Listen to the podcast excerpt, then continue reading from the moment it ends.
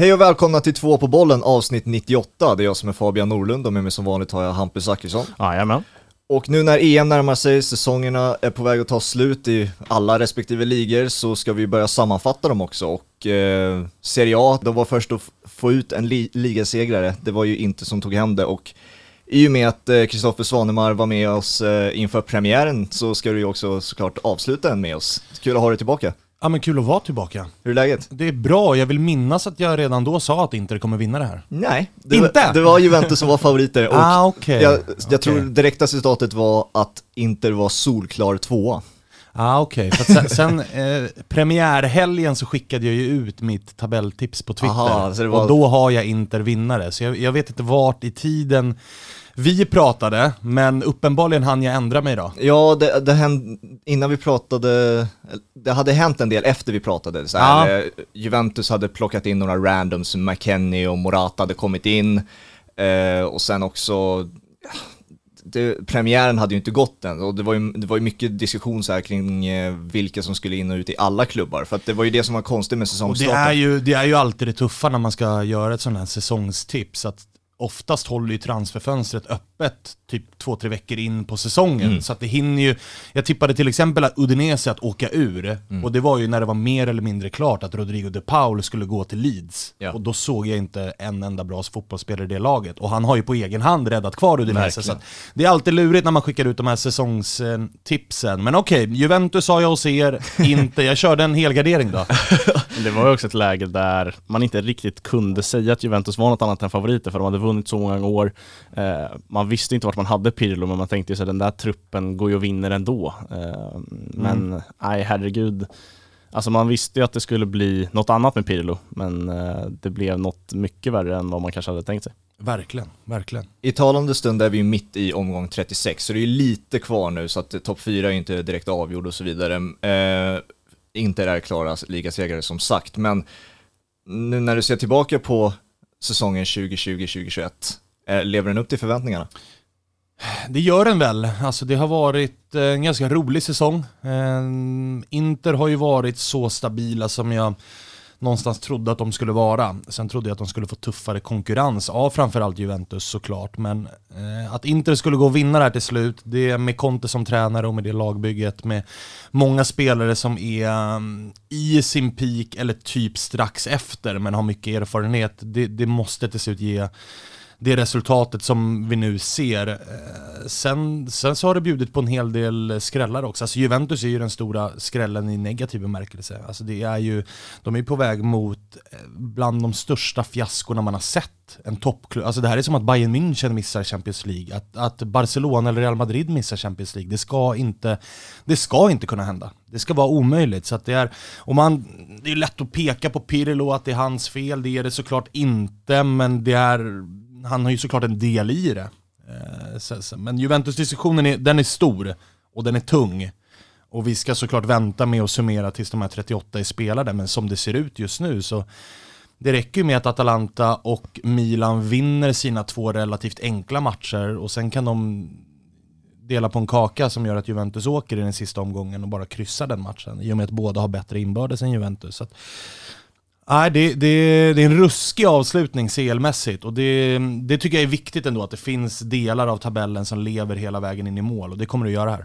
Det där med att kryssa i en sista omgång för att kanske få ut Juventus och CL, inget eh, italienarna är, eh, ja, men är rädda för och så ska det ju självklart vara. Har man chansen att båda lagen i en match som spelar kan gå till CL, så spela på krysset. Och det är dessutom inte så att, säg att Atalanta är klara och att Milan räcker med krysset. I det här läget så vi kan ju vara i ett läge där båda vinner på krysset. Och som du säger, att Juventus då missar Alltså det, det, det är hål i huvudet att inte spela kryss. Ja. Alltså, Sverige-Danmark 2-2, man kan snacka om, om liksom sportsmanship och hela den här ja. grejen hur mycket man vill, men det är ju hål i huvudet att inte spela kryss. Mm.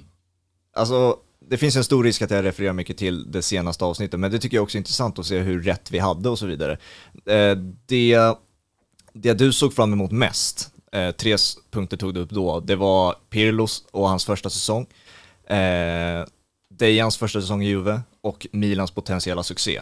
Mm. Och eh, vi ska summera ihop alla de tre bitarna lite senare när vi kommer till eh, respektive lag. Men så här nu med facit i hand, finns det någonting du önskar att fler folk hade fokuserat på när, du, när man ser på Serie A? Atalanta. Det, Fortfarande det, det, det, det, går ju inte att blunda för det de håller på med. Alltså det är en budget som är mittenlag.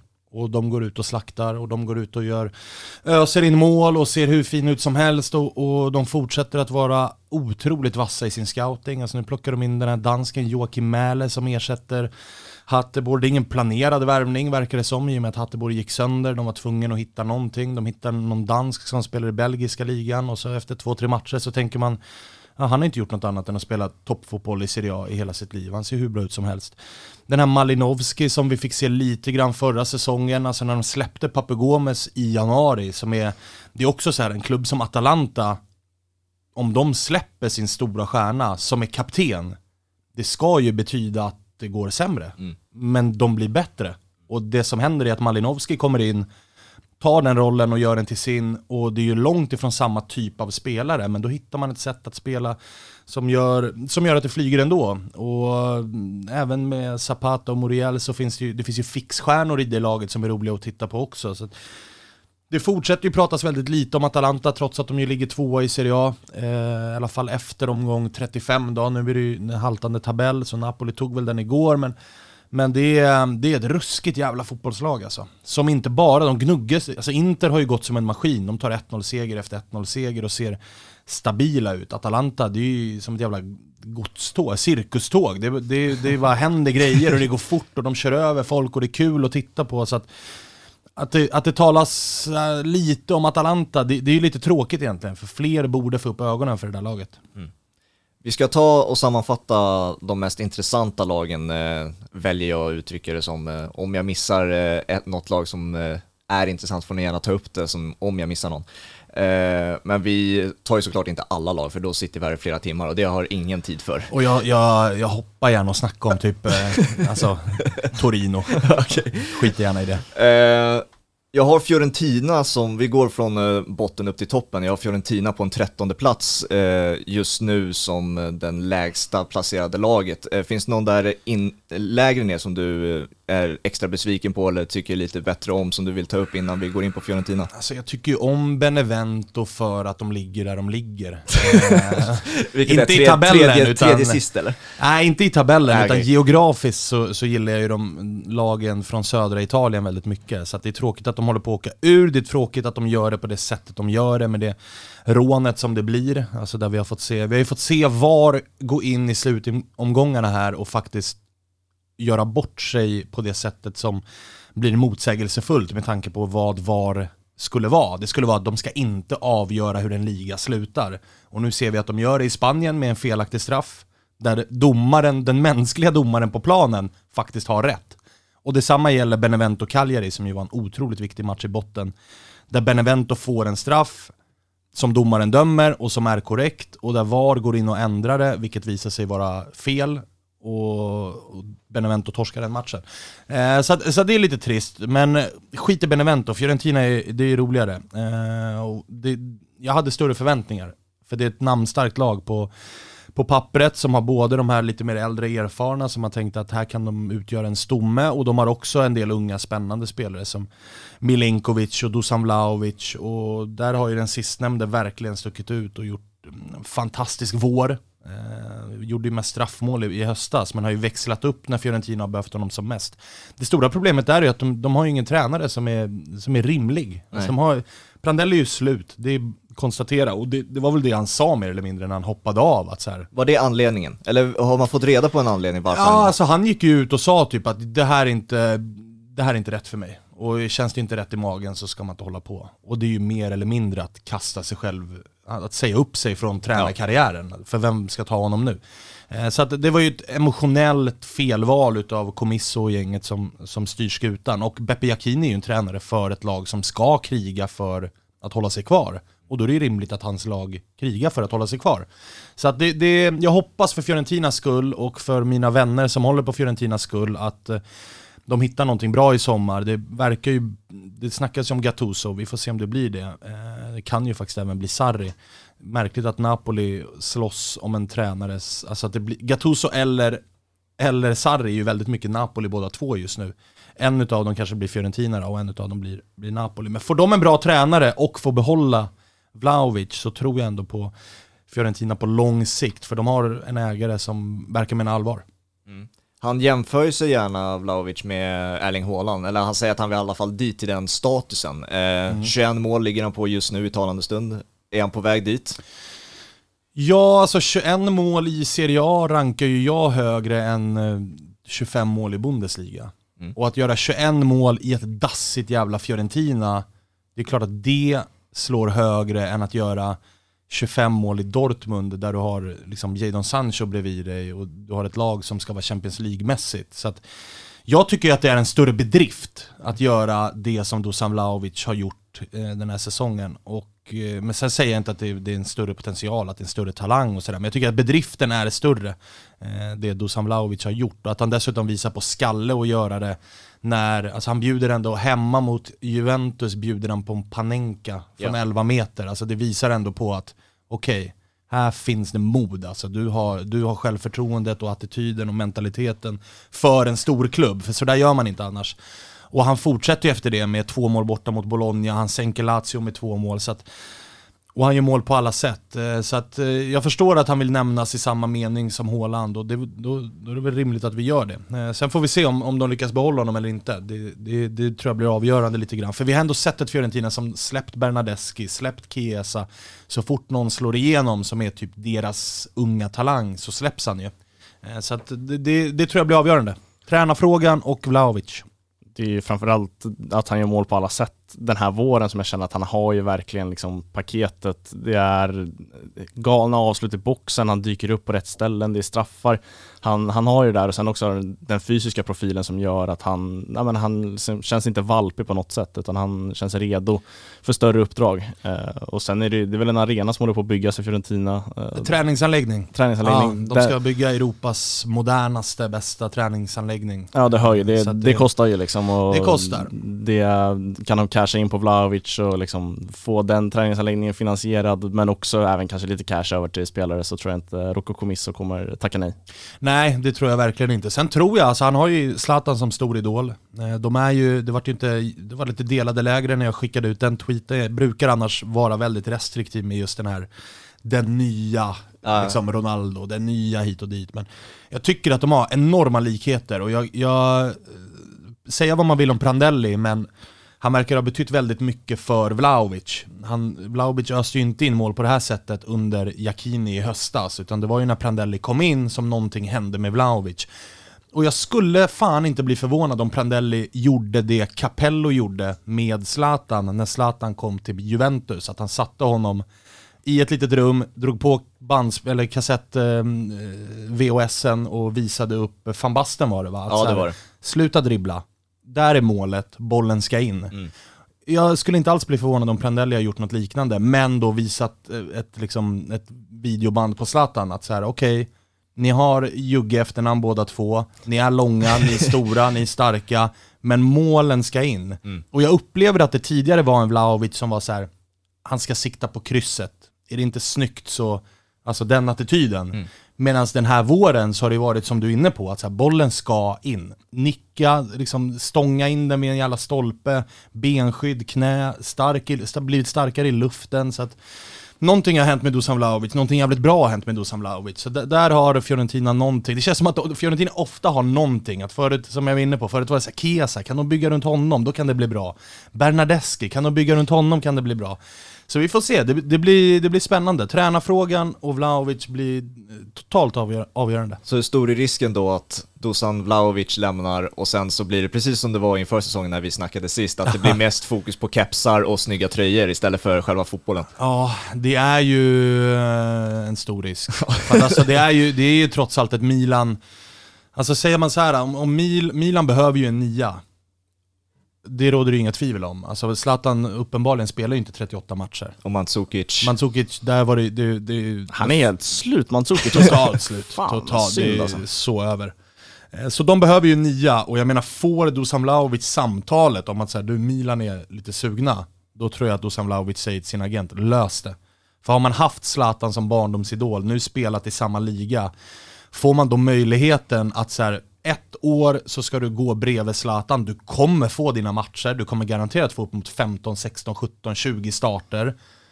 Och sen är det ju helt givet också att säsongen därefter, då är platsen din. För att Zlatan är 42 då. Alltså, det, det, det är rätt rimligt. Så ja. det är ett Milan som är ungt och satsande, det är, det är en Zlatan som är där som är barndomsidolen och som är en hyfsad läromästare att eh, titta på varje dag. Så att, Ja, det, det, det, det ser jag som en väldigt rimlig lösning. Sen kittlas jag också av tanken att Roma behöver ju en nia. Mm. För där har vi en till anfallare som är rätt slut i Edin Dzeko. och Borja Majoral är ju inte toppklass. Eh, han gör ju mål mot dassgängen men inte så mycket mer. Och jag menar man kittlas ju av tanken med Mourinho som tränare och ha Vlahovic som, som bomber på topp. Det kan ju också bli en otrolig succé.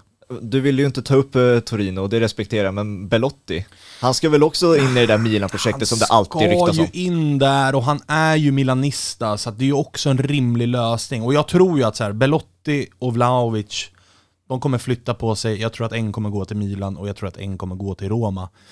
Och sen så tycker jag ju personligen så, jag ser ju faktiskt inte den här storheten som många ser i Belotti. Jag tycker att den är rätt begränsad. Jag tycker, att, jag tycker inte att det är högsta klass. Och, och det är ju Italien, alltså kollar vi på Italien inför EM nu så är det ju deras stora problem. Att Chiro Immobile har inte varit bra i landslaget. Han eh, har dessutom en form den här våren som är lite sisådär. Belotti är inte världsklass. Jag har aldrig tyckt det och jag tycker det fortfarande inte. Han är inte världsklass, han ska inte vara i ett... Enligt mig så är han ingen gubbe att ha i ett topp 4-lag i Italien, utan Europa League-spelare där någonstans. Det, det, tycker jag är hans rimliga nivå. Så att den, som, den, den av Roma och Milan som lyckas ro hem Vlahovic, den ser jag som den stora vinnaren. Mm.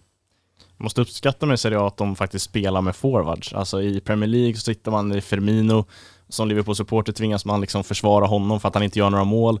Eh, City som vinner spelar inte ens med forward och så här, Timo Werner, vad är han? Han ska helt plötsligt inte heller göra mål för att det är inte den han är. Men i Italien, där är det liksom bombers. Det är Belotti, Immobile och liksom den fysiska profilen som flyttar på stolpar likt Jakob Bergström och ah, ja. Martin Waghorn gjorde i helgen. Liksom. Och det har ju blivit, eh, det har blivit trendigt nu, att, så jag såg någonting om att så här, Djurgården spelar lite som Liverpool. Kalle Holmberg gör inga mål, men Nej, han exakt. är allsvenskans Firmino. Och jag är så här, när jag tänker på mina lag, alltså AIK, nu är AIKs anfallare inte heller särskilt målglada för stunden, men och med Napoli så är jag så här, alltså du är nia. Du ska inte göra någonting annat än mål. Du får vara hur dålig du vill, men gör mål så är allt förlåtet. Ja. Så att, det är två läger där, jag, jag håller med dig. Att jag, jag gillar fan Serie A-stilen mer i att så här, nian ska göra mål, punkt slut.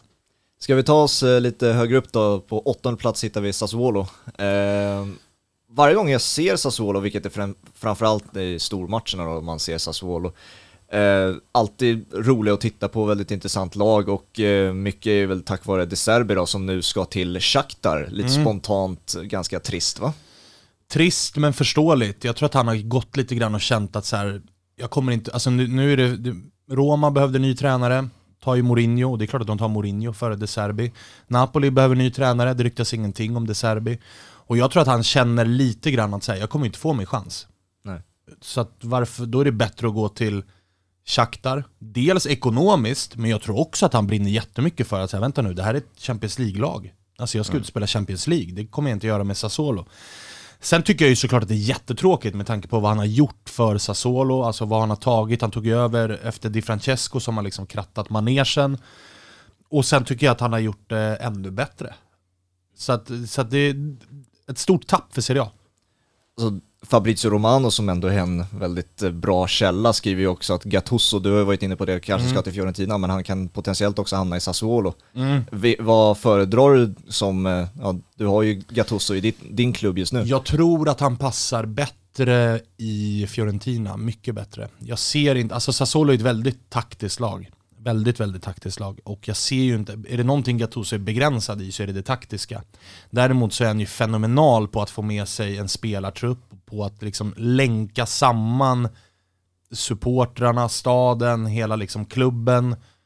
Den energin och få ut den på planen. Och där har ju Fiorentina helt klart en större liksom, supporterskara, det är en större klubb på alla sätt och vis än vad, än vad Sassuolo är. Så i Sassuolo, så hellre typ en Italiano-tränare tror jag hade passat dem mycket bättre, som är väldigt så här, nya skolan med, med taktisk och hög press och bollinnehav och hela den grejen. Det hade passat mycket, mycket bättre än vad, än vad Gattuso hade gjort. För det, det, Gattuso är mer old school i sitt sätt. Det är mer en, en auktoritär ledare än vad det är en stor taktiker. Mm. Finns det sådana, alltså, jag tänker spontant så här, unga italienska tränare med, jag har inte bra koll på det, alltså så här väldigt framåttänkande, väldigt, när jag tänker italienska tränare är det väldigt ofta taktiskt, defensivt mm. och så vidare. Finns det de här italienska tränarna som står för den här offensiva fotbollen som du är inne på? Ja, alltså det finns det ju. Italiano är väl det största exemplet som har, alltså på hemmaplan, har, han slog ju Milan, han tog poäng av Inter när de var i, i den här Scudetto-racet. Ett av få lag som har tagit poäng av Inter de senaste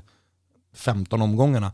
Och det gör han ju med hög press, stort bollinnehav, kortpassningsspel, spelar ju rätt ofta, tyvärr då, utan nia. Eh, och, men jag vet inte om han vill det. det är mycket av anledningen är ju att Galabinov och eh, Mbala Ensola har ju varit skadade, så han har ju tvingats spela utan anfallare.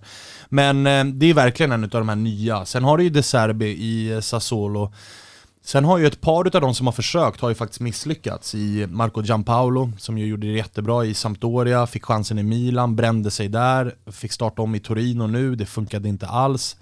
Eh, Di Francesco, som ju var Sassuolo, gick vidare till Roma, gick väl ah, helt okej, okay, men inte tillräckligt bra. Han fick ju också börja om nu med Cagliari inför den här säsongen, gick ju åt helvete det med. Så det finns några som försöker vara lite mer moderna i sin fotboll.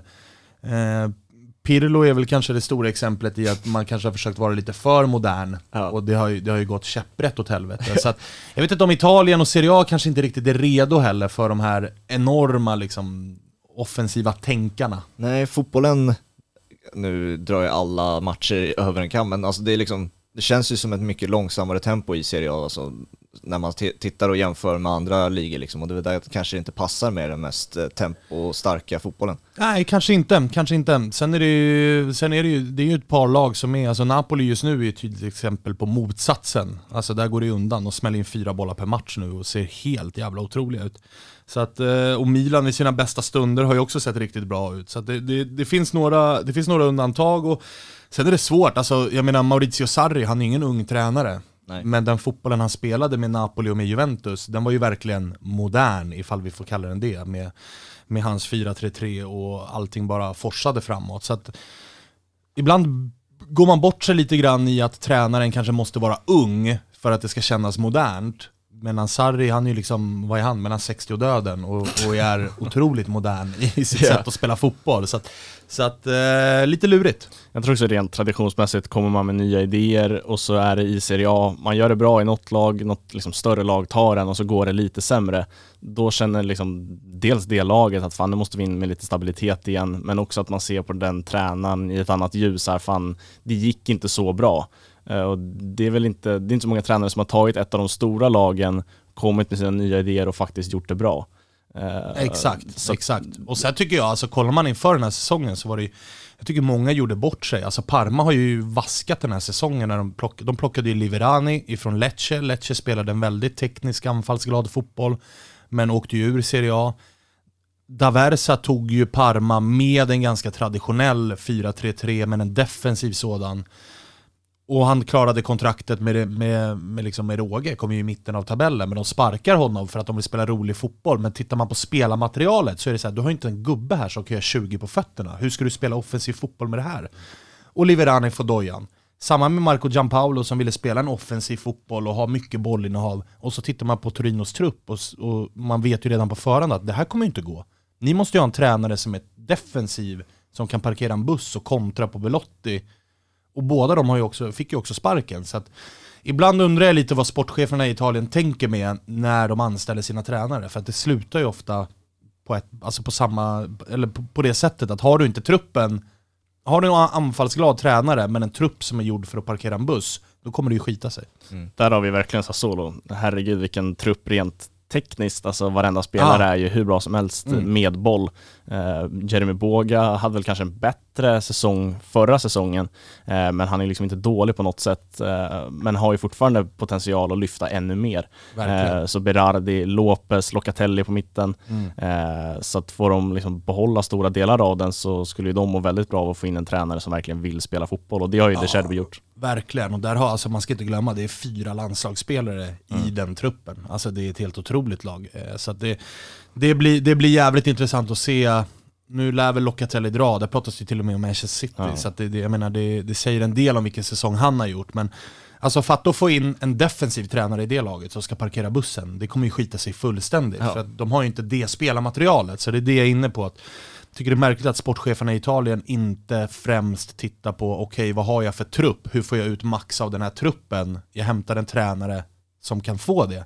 Utan snarare hämtar en tränare som är så här, du vill spela en viss typ av fotboll, vår trupp passar inte till det, men låt oss försöka. Det blir ofta pannkaka.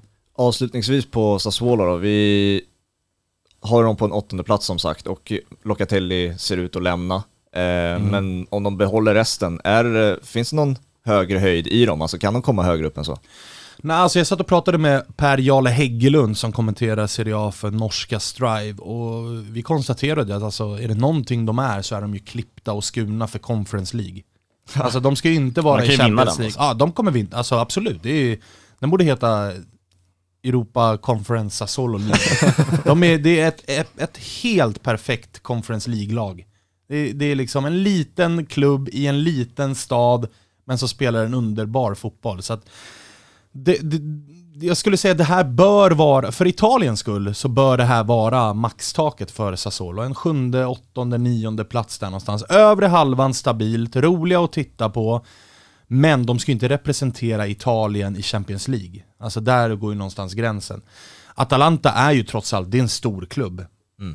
Utan att vara på samma nivå som Inter och Milan, alltså det är ändå Bergamo, det är en stor stad, det är, det är, en, stor, det är en anrik historia, det är en fin arena som man nu har rustat upp och det, det är en bra kurva med mycket supportrar och sådär. Så att jag har inga problem alls med att de tar en Champions League-plats före lag som Roma och Lazio och sådär. Det, det är fine by me, men Sassuolo, där går någonstans gränsen. Mm. På en eh, sjunde plats då, då har vi ju Roma. Eh, och det mest intressanta med Roma är ju det som händer nu och kommande säsong med José Mourinho såklart. Eh, först och främst, vad innebär det för er att Mourinho är tillbaka i Serie A? Vad gör det med er? Mycket. Det är ju en av eh, de största fotbollsprofilerna som finns i världen. Det, det går inte att, att snacka bort. Sen tycker jag att det, tycker att det är en klockren anställning på alla sätt och vis. Alltså jag tycker att det är... Eh, är det någonting, alltså de har ett, de har ett fint lag, Roma, de har många bra spelare. Men med tanke på deras facit den här säsongen i att de inte har, eh, de har inte vunnit en match mot topp 7. Eh, och när det är som allra viktigast så chokar de rejält. Alltså bortamatchen mot United är ju ett tydligt exempel på det. Men det finns många sådana matcher den här säsongen. Väldigt många sådana. Alltså de får stryk med 4-0 borta mot Napoli och i derbyt mot eh, Lazio skiter de på sig rejält. Så att det, det finns många matcher där Roma inte alls når upp till nivå och i min bok handlar det om, bara om pannben och inställning. Och är det någonting Mourinho kan bidra med så är det just pannben och inställning. Att han får ju ofta sina lag och spelare att inte känna press i och med att han tar på sig all press. Han riktar alla blickar mot honom. Han får matcherna att handla i media om honom och går sen in i omklädningsrummet och säger varsågod grabbar, nu snackar alla om mig, ni kan fokusera på att spela fotboll så tar jag smällen här. Och det tror jag kommer gynna Roma till 100% och sen ska vi komma ihåg, alltså, kan ni säga till mig en större värvning Roma har gjort? Värvning! Totti är ju en större legend, han är ju egen sådär, De Rossi och gubbarna, men som värvning, Roma har inte gjort en större. Nej. Alltså då, då får man ju säga, sätta det i perspektiv. Är, eh, inte kanske på samma no- nivå som Ronaldo, men är, det, är han nummer två? Alltså i modern, alltså de senaste åren. Som eh, liksom eh, ikon och profil och Ja, sådär. som man Ja, plockar det, är in. det, alltså, det, det är väl möjligt att det är. Mm. Eh, meritmässigt så, jag menar hans, eh, hans prisskåp är väl typ, han har väl nästan lika många CL-titlar som Ronaldo. Så att det, det, det känns som att det är, ehm, det känns som att man gör alla rätt. Och så tycker jag, jag tycker att diskussionen blir skev när, så här, när många som bara följer Premier League är så här. Ja, eh, vi lider med Roma, åh vilken dålig värvning och hit och dit. Alltså, titta på det där Tottenham-laget. Ska de vara högre upp? Jag vet inte fan om de ska det. Nej. Och jag menar, han tar dem till en ligacupfinal. som han inte får träna laget i, men alltså hade han fått göra det, vem vet? Då kanske han är där och vinner en titel med Spurs. Och jag menar senast jag gick in på Tottenhams Wikipedia och kollade hur många titlar de har vunnit de senaste 40 åren, så jag menar det haglar ju inte. Nej. Det står inte som spön i backen de där, de där eh, troféerna. Så att, jag menar, jag, jag och, och, dessutom så här, ah, han spelar så defensivt, han spelar så tråkigt. Uh. Senast jag kollade på Premier Leagues hemsida och kollade på skytteligan så är det Harry Kane som leder den och Son är topp 5. Kollar man assistligan, ja den leder Harry Kane också och Son är topp 5. Så att jag menar uppenbarligen så gör han ju någonting med de offensiva spelarna som är, och senast jag kollade Spurs trupp så, ja det är de två spelarna som är bra.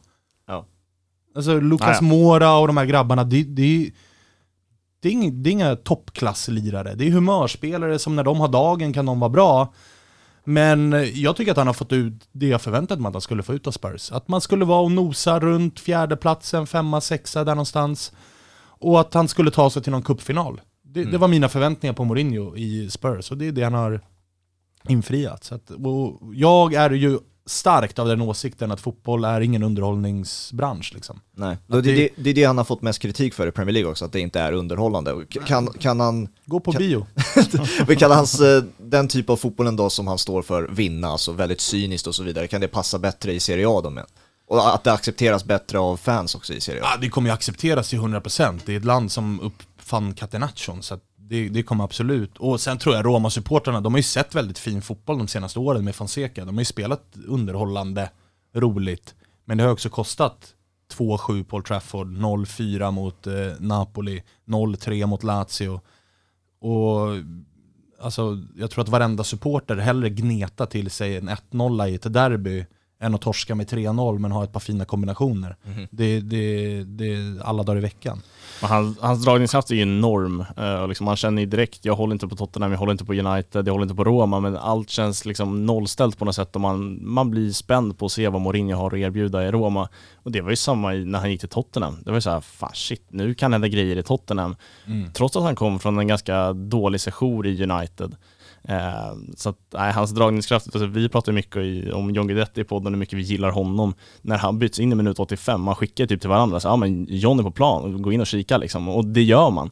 Eh, inga övriga jämförelser mellan Guidetti och Mourinho. Men det är en dragningskraft som finns där som gör att jag som utomstående kommer kolla mer på Roma oavsett hur bra eller dåligt det går. Och sen, jag, jag tror på Mourinho fortfarande, jag tror att det finns någonting kvar där och Roma känns som helt rätt eh, Ja, jobb. jag tror också det. Och sen är det ju bara, det är bara fråga er själva, vart hade ni kanske levererat som bäst i den eviga staden Rom eller i ett regnigt London. Jag vet ju vart, vart jag hade mått bäst och kanske därmed också fått ut mest. Ja. Så att, eh, jag, tror, jag tror att det här kan bli hur eh, bra som helst. Och bara, bara nu så känner jag att så här, Roma, de, de är absolut med att utmana på allvar om topp 4 nästa säsong.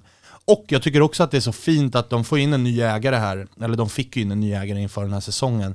Och en, en värvning av Mourinho, det är verkligen en signal om att vi menar allvar. Mm. Och då kommer de ifrån en period Roma med, vilket jag tror också supporterna känner att de kommer med en pe period av James Palotta som var hatad. Och den här värvningen av Mourinho den tror jag köper Friedkin-ägarna väldigt mycket tid också i att okej, okay, supportrarna känner att det här är två som vill satsa. Trots att det är skadat gods i Mourinho, att det är en, en man som du är inne på, att han, han, han drar upp mycket känslor. Många har åsikter om honom, vissa kallar honom slut. Så tror jag att det, som Roma-supporter så tror jag att man känner att att säga wow, vilka ägare. De tar en av de mest meriterade tränarna som finns där ute. Nu, nu kör vi och det ska bli spännande att se vad de gör på, på marknaden här i sommar. För det, det, jag tror att Mourinho har fått en del löften om, om spelare. Och det blir spännande att se, alltså, vi ska ju inte glömma Chris Smalling, Mkhitaryan, det är två spelare som ja, Mourinho skickade ifrån United. Att säga ni är inte mina gubbar. Nu är det typ två fa fanbärare i det där laget som är viktiga. Så det finns också lite så små situationer i Roma att lösa under sommaren där det också blir otroligt spännande att se. De som har ryktats in är ju, utöver spelare som till exempel en Isco jag sett det skrivas om, är ju spelare som Mourinho älskar. Det är Matic, det är Höjbjer, det är, jag tror till och med, jag tror du var inne på det Hampus, Erik Dyer har det skrivits om också. Alltså han måste ju vara försiktig med vilka han tar, han behöver, han behöver ju ben eh, ja. som kan springa och där är ju liksom Isco och Erik Dyer, det, det är helt fel gubbar. Lingard ryktades det ju om. Just det. Ja, J-Lings, det vore ju mäktigt. Han är ju glödhet alltså. Det vore extra kul för vår, vår tredje poddpolare som är med och kör våra gaming-avsnitt. Han håller ju på Roma och eh, älskar Jesse Lingard. Ja, det är, det är match made in heaven alltså. som han sitter och drömmer nu. Shit vad jag tänker på Ravel Morrison då. Var inte han i Lazio? Jo, och sen Östersund. exakt. ja, det, det flög inte. Nej. Men en annan grej med Mourinho är ju också att så här, direkt när han kommer, andra dagen så börjar folk prata om så här, kan Roma vinna titlar? Och folk säger, ja, nej, jag kan inte säga att de liksom inte kommer vinna titlar, för det är det Mourinho gör. Mm. Så att redan, han har inte haft en dag i klubben, men han är anställd av Roma och direkt börjar man prata Roma och titlar i samma mening. Ja, ja, och det är alltså fullt rimligt att göra det. Ja. Fullt rimligt. Sen är det så jävla märkligt att de låter Fonseca sitta kvar säsongen ut. Mm. Alltså, ni har ingenting att spela för. Ni har redan anställt en ny tränare och annonserat det. Vad gör Fonseca kvar? Skicka upp Primavera-tränaren eller låt någon ass eller något ratta det, det sista. Så den, det, det, är ju det, det är en märklig lösning, men eh, ja, låt det gå. Man ska väl också, i och med att Mourinho ska in, Fonseca ska ut, då måste man ju också utvärdera honom då. Mm. Vad, vad tycker du om hans session i klubben? Helt okej. Okay. Alltså, han har väl fått ut hyfsat det som går att få ut och det finns ganska tydligt att så här, du var, din fotboll funkade jättebra på att etablera Roma på den övre halvan och jag menar, gå, man går ändå till en semifinal i Europa League. Det, det är svårt att kalla det för, för dåligt. Eh, sen ska man, och det tror jag att alla Roma-supportrar är relativt överens om, att man ska tydligare hota om topp 4. Eh, och det är, där är det ju tydligt vart han har misslyckats. Han har ju misslyckats i att kunna få in mentalitet i det här laget. Han har misslyckats kapitalt i sina taktiska upplägg i de här stormatcherna. Alltså Lazio är ett av de kontringsstarkaste lagen i ligan. Nu, har de, nu möts de ju här till helgen, men eh, i den första matchen så du kan inte stå så där högt mot seriens kanske kontringsstarkaste lag och inte förändra det. Det bara small i det där målet. Så att, det, det, han har ju gått bort sig fullständigt i stormatcherna och han har ju uppenbarligen inte lärt sig, för det har ju sett likadant ut precis varje gång i stort sett. Så att, eh, Eh, det, det, han lämnar mig godkänt, men jag har svårt att se honom få en storklubb efter det här. Där har du däremot någon som kanske Fiorentina borde kika på. Mm. För att Fiorentina är ju en klubb som, de ska ju just nu inte vinna mot topp 7, men kan de bara göra sitt jobb mot undre halvan-lagen, då, då, så det hade, varit, det hade faktiskt varit en vettig anställning. Mm. Eh, ska vi klättra upp till en sjätte plats då? Där hittar vi Lazio och eh, spontant, jag vet inte hur det är med er, men eh, inte en jätteintressant säsong. Det som sticker ut för mig deras, eh, alltså när de åker på cross mot Bayern München i åttondelen, det är det som, det är inte ens Serie A-fotbollen liksom. Och ja, som sagt, jag vet inte hur det är med er. Hur sammanfattar ni Lazios säsong? Det, ganska det in, ju... I jämförelse med förra säsongen är det inte samma höjd i det. Nej, och de tappade ju, de, de sumpade lite grann sina chanser till Champions League i höstas redan, då man satsade väldigt mycket på Champions League och tappade väldigt mycket poäng i Serie A. Eh, det var ju rätt tydligt, det var första gången de var tillbaka i Champions League på många, många år, så det är naturligt att det blir så kanske. Och framförallt när man har en eh, president som Lotito som inte riktigt vill bjussa till ekonomiskt för att Inzaghi ska få en tillräckligt bred trupp som klarar av dubbelspelet. Så att de, de klarade inte av det, Sen har de ju här under våren, efter de åkte ut mot Bayern München, har de ju faktiskt varit riktigt, riktigt bra i Serie A och såg ju faktiskt ut att ta upp kampen om eh, topp 4 innan den här förlusten då mot Fiorentina som gjorde att eh, tåget typ har gått nu.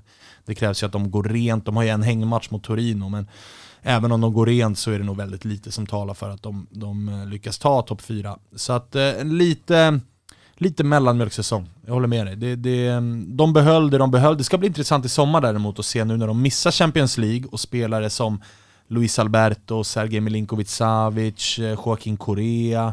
Det är spelare som nu har fått känna på Champions League och som nog alla tre känner att det är den här turneringen vi ska spela. Eh, då blir det intressant att se vad, om Lazio klarar av att behålla de spelarna. Ja, ska de bort då? För att det finns ju en höjd i dem. Korea har ju väldigt många bra man of the match-matcher och sen andra matcher så försvinner han helt. Och jag tycker det är väl alltså, den gemensamma nämnaren med alla tre. Luis Alberto kanske är mer jämn än de tre som jag tar upp där. Mm, mm. Det beror ju på Lotito, han brukar vara ganska skicklig på att sälja spelare när läget är rätt. Alltså, vi minns ju eh, Filippa Andersson som var eh, otrolig i Lazio och sen eh, såldes dyrt till West Ham va? Och mm. har ju inte träffat ja. mål sen dess. Han flög väl sex månader där i West Ham? Ja exakt. Så han är utlånad till Porto och sitter på bänken ja, där. Ja, det, det, är nog där någonstans han ska vara. Eh, nej men han, han, brukar, han brukar vara ganska skicklig på det. Eh, Hernanes och Mauro Zarat är ju andra spelare som lite längre tillbaka i tiden har, uh, han har sålt skickligt. Eh, så att det kan vara läge att casha in. Och sen blir det intressant att se med tanke på att hans andra klubb, Salernitana, som Lotito äger, nu gick upp till Serie A, vilket är otroligt glädjande för mig. Eh, den, där kan han ju välja på att, han får inte äga dem, så att han kan ju välja på att casha in men det mesta talar för att han typ ger bort klubben till en målvakt men styr den ändå. Så att det, det, det blir en intressant Lazio-sommar på den nivån. Alltså vi snackar transferfönster, vi snackar klubbstruktur i och med att presidenten äger två klubbar. Så att, eh, ja, lite mellanmjölksäsong så, men intressant att se vad de kan bygga vidare på. För det är också en Inzaghi-fråga. Alltså skulle Pirlo, eller Pirlo kommer ju såklart inte få vara kvar, och Inzaghi är absolut en potentiell ersättare. Och då kan det bli lite halvjobbigt för Lazio att ersätta Inzaghi som jag har verkligen satt, han har gjort det här till sitt lag. Ja, men just det här Lazio-fönstret som var nu när de skulle bredda och liksom ha råd att spela i Champions League också truppmässigt så tog de in liksom Verdat Murici, och det såg alla vi, ja, men alla vi svenskar som såg Sverige-Kosovo, där ändå försnacket handlade om att han spelar i Lazio och så bara såg man, nej han kan inte spela i Lazio för han är totalt värdelös. Och det var två, Ett tre mål gubbar. Ja, det var, Ett mål. Det var två, tre gubbar till som är så här, vad fan är det här? Det här håller inte alls eh, nivån. Alltså de, de ska alltså rusta för Champions League och väljer att låna in Andreas Pereira från United, mm. bedrövlig. Mm. Plockar Vedat Murici för typ 20 miljoner euro, bedrövlig. Mohamed Fares plockar de ifrån Spal, jättedålig.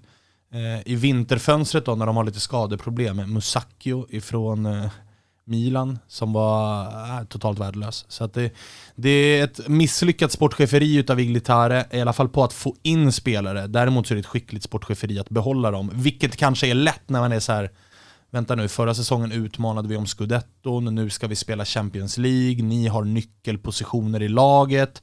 Då är det nog ganska lätt att behålla Luis Alberto, Milinkovic Savic och de här. Men nu blir det ju intressant när de missar det. Mm. Och de här spelarna säkerligen är sugna på att fortsätta vara på den nivån.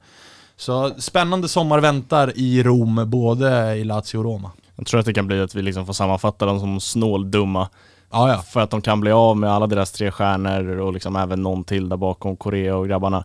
Eh, och då absolut, det kommer cash in, men de måste ersättas på ett sätt och det brukar oftast inte vara Ska man ersätta de gubbarna brukar man ofta behöva betala mer än vad man fick eh, trots, trots att det kan alltså, bli miljardbelopp. Lazio-supportrarna har ju inte blivit bortskämda med den här italienska övningen att möta nyförvärv på flygplatsen. För det gör man ju bara med stora namn, stora nyförvärv. Och den typen av värvningar gör ju inte Lotito. Nej. Utan varje gång Lazio värvar en spelare så är mina Lazio-polare så här, vem är det? Ja. Jag behöver googla den här karriären, för jag vet inte vem den här spelaren är oftast serbkoppling eller liksom Balkanspåret i och med Iglitares rötter och sådär. Så att det, Ah, jag lider lite med Lazio-supportrarna ur den aspekten, men eh, återigen, det blir, det blir en spännande sommar för att någonting kommer hända där. Och min magkänsla säger att det kommer gå lite grann åt fel håll. För det kan absolut vara så att Inzaghi är den som till slut ersätter Pirlo, om det inte blir Allegri. Mm. Det känns som en gemensam nämnare för många klubbar i Serie A att sommaren, den här sommaren just blir extra viktig för många klubbar. Mm, mm, verkligen. Och framförallt i huvudstaden. Mm. Ska vi ta oss till en femte plats då? Där hittar vi just nu Juventus. Ja, utanför, sjukt, sjukt att bara säga. exakt. Utanför topp fyra och eh, ja, vart fan ska man börja? Det är väl Pirlo man måste börja med. Mm. Ehm. Ja, där blev det ju som förväntat. Han var ju inte redo. Men var det förväntat då? För vi hade ju fortfarande som du, du, har ju sagt det, inte var ju favoriterna då in, inför eh, precis innan premiären då, men eh, innan dess var ju Juventus favoriterna. Ah, nej, alltså, förvänt, det var inte förväntat att de skulle vara så här dåliga. Nej. Eh, det var ju förväntat att Pirlo skulle vara oerfaren och kanske inte ha koll, men då trodde man ju att okej, okay, de har en ryggrad de kan lita på här i Buffon, Bonucci, Chiellini, Ronaldo. Morata har varit med och vunnit ligatitlar för och Dybala vet vi vad han kan. Men det har varit skadeproblem med Dybala, det har varit ett lag som... Eh, Sarri sa ju det redan efter förra säsongen när han lämnade där, att det går inte att coacha det här laget. De, är, de vill inte ta in taktiska direktiv. Och mycket av det stavas ju Cristiano Ronaldo, att så här, han är ju coachen, stjärnan, målskytten, allting ska gå till honom. Och när han inte får den typen av bollar och när kvaliteten runt honom, runt honom är för dålig så, så då blir det ju fiasko. Och det ser man ju i den här Milan-matchen som de förlorar med 3-0. Han har ju inte ett avslut. Det kommer inte en boll, för Nej. Juventus kommer inte dit. Och det, det, är, det är ett haveri på så många plan och det, det, det landar ju på liksom Paratici som är sportchef, på Nedved och Agnelli och, och de som rattar klubben. Um, och nu hamnar, nu, nu, det är ju den mest intressanta situationen här i sommar om de missar. För att det är många rapporter från Italien som säger att nu blir det ett stålbad. För att de har så pass höga utgifter. Och missar man Champions League och de intäkterna det innebär så då kan det, det, det kan gå snabbt och det kan gå åt fel håll omgående. Så att äh, det, det, det kan de ha, tänkte jag säga. eh, för det är ändå nio raka titlar och sådär, men, men det är ju ett fiasko som vi inte har sett sportsligt i modern tid. Vi har ju alltså Calciopoli och allt det här när de blir tvångsdegraderade och allt vad det är. Mm. Men det här är ju ett sportsligt haveri som, som saknar motstycke. Ja, både jag och Hampus har ju sagt att Pirlo ska få borde få sparken oavsett topp 4-placering eller inte. Eh, jag antar att du sitter i samma båt eller? Verkligen. Det har ju varit en, en icke-existerande utveckling på det här laget. Det har snarare varit en, en formkurva och ett spel som hela tiden blir sämre och sämre för varje vecka som går.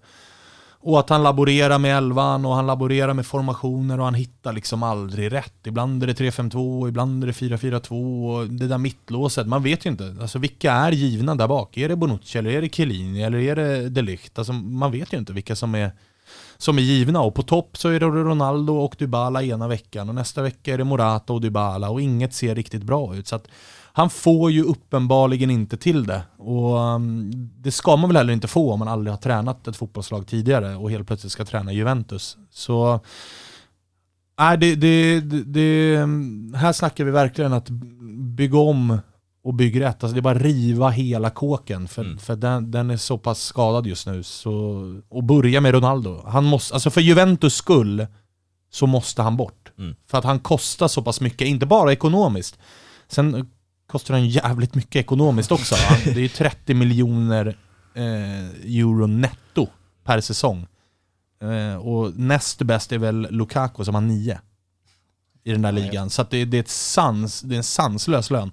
Eh, det går väl att argumentera för att han förtjänar den, men taktiskt sett så hämmar ju han Juventus. Att det går inte att bygga ett lag om du har Ronaldo, för att Ronaldo är för stor. Han är för central, han har för stor pondus och det var mycket därför Sarri fallerade, för att han ville ju att Ronaldo skulle göra på ett visst sätt som passade laget bäst. Mm. Det vill inte Ronaldo gå med på, han vill bara göra på ett sätt som passar han bäst.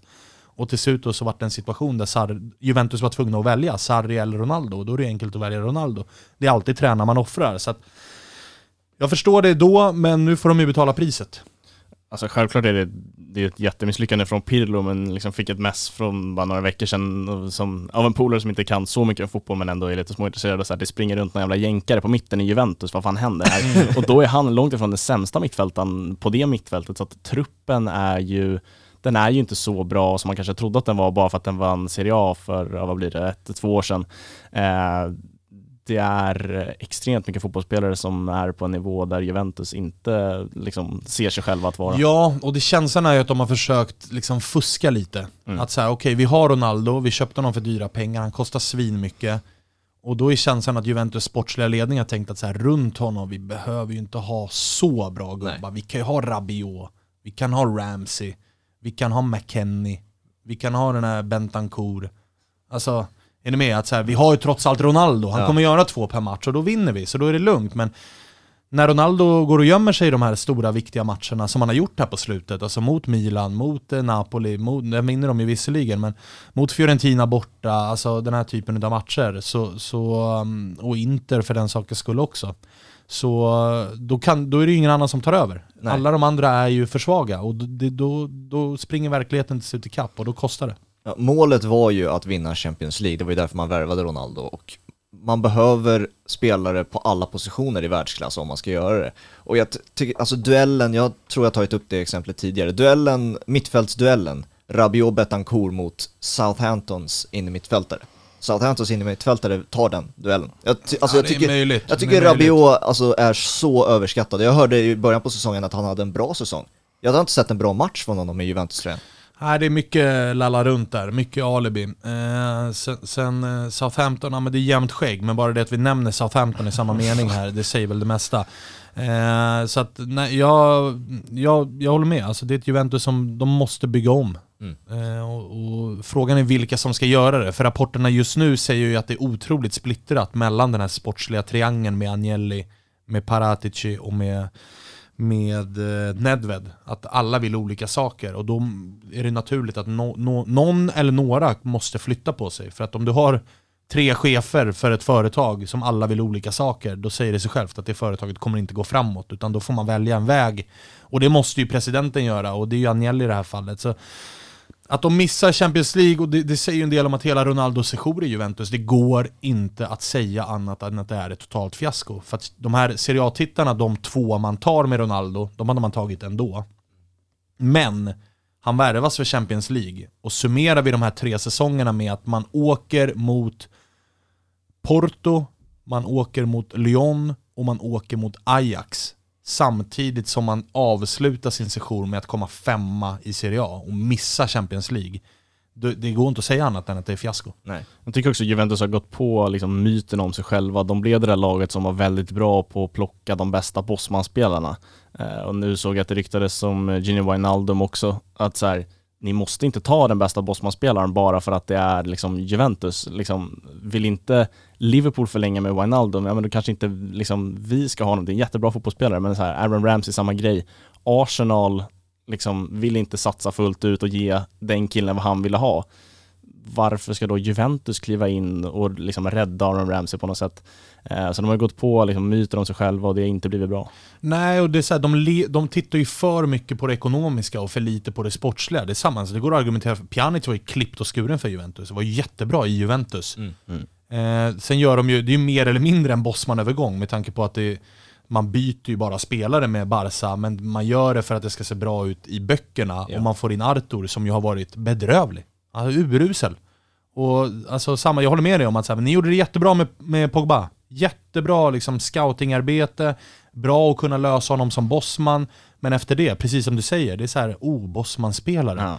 Vart ska han spela? Vad är han bra på? Passar han in i vårt lag? Nej, skitsamma. Han är bossman, det ska han. Det är, ungefär, det är ju känslan, att det är det man har gjort här. En bra värvning var ju faktiskt eh, Dejan Kulusevski och eh, som sagt det var ju en av dina eh, punkter som du såg fram emot inför Serie A-säsongen. Du sa också, minns jag, att du hade jättehöga förväntningar på honom inför. Eh, hur mäter han sig med de förväntningarna? Alltså jag tycker att han gör en helt okej säsong. Eh, sen blir det ju svårvärderat med tanke på att laget går så pass dåligt som de gör. Sen tycker jag att varje gång Dejan spelar så tycker jag att han är en av dem som alltid kommer in med inställning, som alltid är liksom närvarande, som alltid vill förändra, han vill ha bollen, han vill göra saker. Och det går ju att ifrågasätta andra Juventus-spelare som jag tycker att så här, de ser inte ens ut att vilja vara på planen. Så ur den aspekten så, så tycker jag att han eh, absolut ska ha ett godkänt betyg. Eh, sen hade man ju, sen med en bättre tränare, med ett lag som är tydligare i hur de vill anfalla och med en tydligare roll för Dejan så hade han såklart mått bättre. För nu har det varit, han har spelat till höger, till vänster, centralt, han har spelat tia, han har spelat anfallare. Så att det har ju blivit väldigt hattigt för honom. Så att den är också så här, det, det gör att det blir ganska svårvärderat. Eh, men sen är det ju en värvning som på sikt ska vara bra för Juventus. Det är, det är inte den här säsongen han skulle vara ordinarie och flyga och, och bära Juventus. Utan det är en värvning på sikt och det tror jag att det är det man, man måste se det som. Så att eh, han ska inte ha allt för stor del i Juventus fiasko. Det tycker Nej. jag inte. Det är ju en av ljusglimtarna, den individuella säsongen Ronaldo gör är ju också en ljusglimt i sig liksom. Men Antal mål ja. Ja. men sen går det absolut att fråga, eller att titta på vilka matcher är det du avgör. Ja, vilka såklart. matcher är det du ska avgöra. Och där går det att plocka upp Inter, Milan, eh, Napoli, eh, Champions League-matcherna eller Porto-matchen. Där han misslyckas med att göra mål och han är dessutom den som beter sig som en, en sjuåring i muren. Så att, så att det, det, är antal mål, absolut godkänt från Ronaldo. Men eh, i att spela en avgörande roll när det väl gäller, totalt fiasko. Ja, men jag letar efter lite positiva saker i Juventus. Ja, det är inte mycket, du Nej, får veta exakt, ordentligt För att det är, alltså. så, är så otroligt dålig säsong såklart. Men en annan som ändå har hittat en hyfsad höjd i majoriteten av sina matcher är Kesa, tänker jag på. Ja, i alla fall i höstas. Har ju gått ner sig lite här under våren, men, men eh, nu springer han mest runt och gnäller på domaren upplever jag. Och är frustrerad, vilket är lätt att vara om man är i Juventus just nu. Men eh, absolut, han har visat en höjd som jag inte riktigt såg komma. Eh, jag tyckte att det var rätt likt Bernadeschi-värvning. Att ah, okej, det är helt okej i Fiorentina, helt okej siffror. Men eh, han, han har faktiskt varit en ljusglimt, det är helt korrekt. Där har faktiskt Juventus någonting att bygga på inför framtiden. Och lite surt för oss att han gärna spelar på samma position som Kulusevski. Ja. Och där undrar man också lite grann, vad tänkte ni när ni betalade en miljard för Kulusevski och Chiesa och båda är på samma position? Borde ni kanske ha tagit hälften, skippat en av spelarna och kanske värvat en central mittfältare eller en ordentlig nia eller vad vet jag. Det gjorde ju att så här, Frabotta fick spela till vänster. Ja, och, exakt. Och i Juventus. Ja.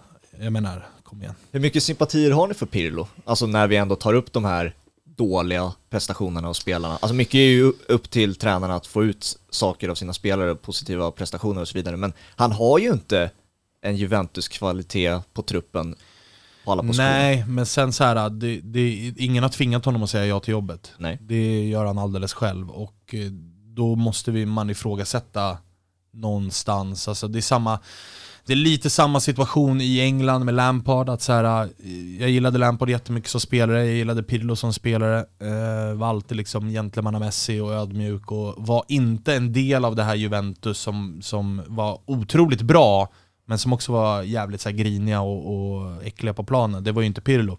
Så att som spelare, alla sympatier. Som tränare så tycker jag att än så länge så har han bara bevisat att han är korkad i min bild. För att han ska inte ta jobbet. Nej, nej. Han ska ju säga till Juventus att jag vill jättegärna bli Juventus-tränare. Men låt mig börja med U23-laget i Serie C. Låt mig börja i Perugia. Alltså låt mig göra jobbet först. Och sen när ni ringer och jag är redo, då kör vi. För nu riskerar han ju att så här, vem tar Pirlo nu? Vart ska han jobba efter den här säsongen? Vem känner att så här, Pirlo vill vi ha? Ja. Ingen tror jag. Så det, den är ju, för det är en sak att börja som ja, men så här Pippo Inzaghi som började i Bologna och de här mittenklubbarna. Att det är så här, okej okay, men bra, du gör jobbet, du får börja om och det blir, det blir Benevento och grejer nere i Serie B och så till slut nu då, nu kanske han åker ur igen men han lär sig ju grejer hela tiden. Eh, och visst, Lampard hade Derby, men han hade dem i en säsong och sen tog han Chelsea. Det är också alldeles för tidigt för att ta Chelsea. Och resultatet blir ju övertydligt med tanke på vad som hände med Chelsea så fort de fick in en tränare som faktiskt var redo att ta den typen av klubb.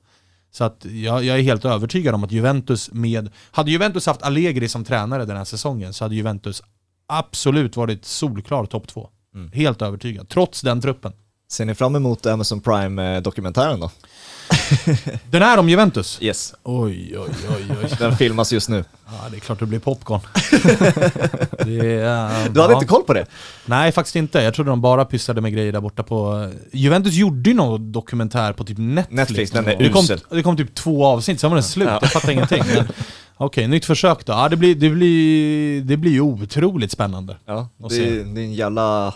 Alltså det blir bara dåligt för de där, eh, för Tottenham, för Juventus nu. Det är inga bra säsonger de har när det filmas alltså. Nej, nej. nej det är också inte. med, eh, med Sunderland nu. Den här, av det jag har hört så är det inte några Netflix-kameror på plats i år och nu är de framme i slutspel. Just det. Eh, så Fan vad tråkigt. Får väl, ja, får väl se om Netflix går in och jinxar där och kör liksom semifinal och final och så går det åt helvete ändå. Ja, det vore i och för sig fint. Ja. Ska vi klättra upp till eh, Just nu ligger Milan på fjärde plats i talande mm. stund då. Eh, från scudetto-utmanare till eh, ja, slåss om topp fyra. Eh, minus så här med facit i hand eller vad säger Nej, vi? Nej, alltså topp fyra, allt, alltså topp fyra är ju MVG. Mm. För att jag... De var ju inne i en jävla fin liksom, svit när säsongen drog igång och kunde leva vidare på den hypen. Men sen, sen började liksom den här ganska tunna truppen att ta ut sin rätt. Och spelare som Castillejo började visa att de kanske inte har kontinuiteten och kvaliteten på plats. Så, så det, var, det var ju väntat att det skulle komma en dipp. Eh, och tyvärr för Milans del så har ju Zlatan varit lite för skadad och, och, missat lite för mycket för att det ska kunna hålla hela vägen. Jag såg inte det. Ju längre säsongen gick så såg jag, trots att Milan vann och var inne i den där sviten, så såg jag ändå att så här, det här kommer inte, det kommer inte hålla. Det är, man är för beroende av att nyckelspelarna hela tiden levererar vecka ut och vecka in. Och du behöver den där bredden ifall det ska gå hela vägen. Så att, men den här insatsen mot Juventus, jätteimponerande borta. Eh, de har ju inte vunnit på den där arenan. Juventus hade inför matchen så var ju Milan det laget man har slagit allra flest gånger mm. på den där arenan. Eh, vilket är helt sjukt med tanke på, det är trots allt Milan. Eh, hur som helst, så, så topp fyra, det, det är oerhört starkt av, av Milan, tycker jag de flög ju som sagt i början och Zlatan var sådär rekordbra. Eh, det var, de pikade ju där runt när de slog eh, dit Napoli där eh, på bortaplan. Mm. Var de favoriter i era ögon där då? Alltså Nej. när de ledde med 3-6 poäng där? Nej. Inte ens då? Nej, inte i, i, min, inte i mina ögon. I mitt säsongstips som jag skickade ut på Twitter hade jag dem som femma. Och det är mycket möjligt att de hade blivit ifall de hade torskat den här matchen mot Juventus på Juventus Stadium. Eh, men stark vinst där och nu, sitter man ju i pole i alla fall för att ta, även om det är tuffa matcher kvar för dem, alltså Torino ikväll, Torino som är parkera bussen-lag, ingen Zlatan och Zlatan behövs ju i den typen av matcher när det är trångt och i straffområdet och det är många fysiska försvarare. Så det blir, jag, jag tror att det blir en tuff uppgift för Milan att lösa och man har Atalanta i sista. Jag menar, om det är så att de inte båda två löser Champions League vid kryss, då tror jag att det kan bli en jävligt jobbig historia. Det är Atalanta borta vi pratar om. Det, det är ingen match man bara, man bara städar av. Så det, det, um, det är fortfarande inte klart. Nej. Men det är klart att mycket talar för att Milan löser det. Vad var det som ändrades då från den höjden som ändå var under inledningen på säsongen och sen från det vi ser just nu? Alltså är det bara att Zlatan har missat så många matcher som han har gjort eller finns det några andra faktorer? Nej, men dels som jag var inne på, den tunna truppen. Att den inte... Alltså det är ett tajt schema den här säsongen med mycket matcher. De tar sig också hyfsat långt i Europa League. De går väl till en kvartsfinal va? Där de åker mot United. United. Det är kvarten ja. Så det är mycket matcher och med en tunn trupp och med dessutom en hel del skador under den perioden när det var som, som mest med matcher. Och sen så tycker jag, jag vet att många Milan-supportrar inte håller med mig, men jag tycker inte att transferfönstret man gör är tillräckligt bra. Man plockar Jens Petter Hauge, som uppenbarligen inte är tillräckligt bra eftersom man aldrig får spela. Eh, man plockar eh, dessutom in Tomori, absolut, jättebra. Det, där behövdes det, för Romagnoli såg inte bra ut. Men Meite från Torino, inte tillräckligt Nej. bra. Mandzukic har inte spelat fotboll på nio månader när man plockar honom, så det var lite så här, ja vad trodde ni? Trodde ni att han skulle gå in och göra skillnad? Lite utfyllnadsspelare snarare. Ja, och som skadade sig direkt och det var ju väntat. Han kommer dessutom... Alltså att värva Mandzukic som inte har spelat fotboll på nio månader inför säsongen, fine, för då har du en försäsong på dig att bygga upp mm. honom. Men att värva honom i ett januarifönster, där det, liksom, det är matcher direkt, det är kritiskt läge direkt. Det var ju givet att han skulle gå sönder. Eh, så att där lite frågetecken på Maldini, för där tycker jag att i det januarifönstret, då ligger Milan etta, tvåa. Ett bra fönster där, då säkrar man ju den här topp 4-placeringen och kanske fan till och med hotar om Champions League hela vägen ifall du löser två, tre, fyra spelare som är så här, ni kan gå in och faktiskt göra skillnad nu. Och tittar man på vilka värvningar och övergångar och lån och allt möjligt som gjordes i det januarifönstret så fanns det ju uppenbarligen möjlighet att hitta spelare som faktiskt hade kunnat göra lite skillnad för Milan. För det tycker jag inte att de här nyförvärven, förutom Tomori, så tycker jag inte att de, de, de andra som kommer in har, har, de har inte varit tillräckligt bra ja, en trupp som alltså, bevisligen överpresterade till en början av säsong och sen när energin börjar gå ur och man liksom har problem med lag som man liksom tidigare slog så lätt i början av säsongen så blir det ju lätt att man liksom faller igenom. Och sen trodde jag, alltså det var ju nära att Zlatan höll på att kosta dem hela säsongen när han blev utvisad direkt rött för snack. Alltså, vad är det som händer?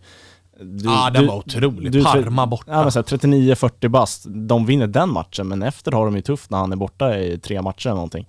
Um, så att, ah, det är några sådana där beslut på vägen som uh, kunde varit bättre även från Zlatans håll. Ja, verkligen. Verkligen. Och um, sen är det ju, alltså det är ju en, det är ett ungt lag. Det har ju under stora delar av den här säsongen så har det varit så här, det yngsta snittåldern i en topp 5-liga. Och det ska man ju ha med sig, mm. att så här, det är bra att bara vara där men om, om, vi, om frågan är som du ställer den, att så här, vad hade man kunnat göra annorlunda kanske? Då, då, då tycker jag att en del landar där. För det, och det är lätt att, alltså jag förstår att många Milan-supportrar, de har varit så pass dåliga som de har varit i många år. Nu är de ändå där uppe.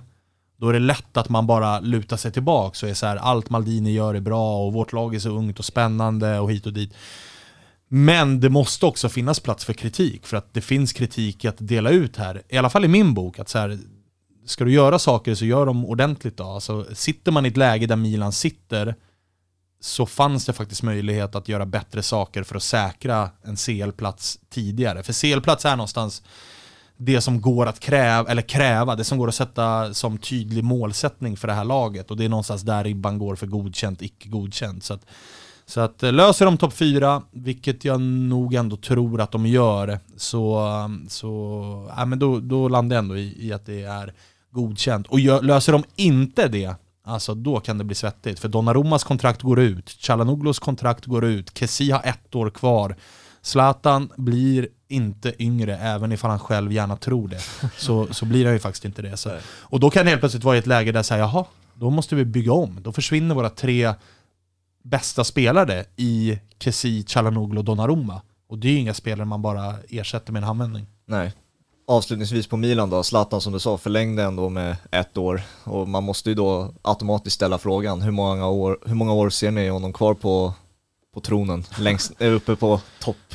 Ja, det är, alltså hur många starter har han den här säsongen? 17 kanske, där någonstans. Det är ja, hälften. Det... Eh, så att jag menar, det, det, det är inte riktigt samma kontinuitet längre, Nej. vilket är rimligt att det inte är. Så um, jag tror väl någonstans så känns det som att nästa säsong nog blir sista. Det måste ju bli det. Alltså det kan inte hålla på hur länge som helst. Och jag hoppas någonstans att här, sluta innan du åker på en... Nu såg vi Juventus-matchen att mm. det... Bara där tänkte man ju att är det över. Ja. Och jag vill verkligen inte se Zlatan tvingas sluta på grund av en skada. Jag vill, hans, jag vill se han göra en sista match. Och jag tror att mycket av den här förlängningen handlar om att han vill avsluta på en fullsatt arena. Han vill avsluta värdigt eh, på liksom en av, om inte den mest klassiska fotbollsarenan vi har i Europa, på, på ett fullsatt San Siro. För jag menar, skulle Zlatan gå ut, även om det Bologna hemma i sista omgången och ingenting att spela för. Går Zlatan ut och säger det här blir min sista match, då är den arenan proppfull. Ja. Och de scenerna som kommer vara efter den slutsignalen, de vill i alla fall jag uppleva. Så att, eh, jag hoppas att det blir den typen av eh, avslut. Men det var ju liksom, det har jag själv snackat om redan skadan han ådrog sig i Manchester United att så här, den rehabperioden, det var ju den här känslan av att inte få avsluta själv som drev igenom liksom, den perioden. Och sen har han ju spelat hur många år som helst efter det.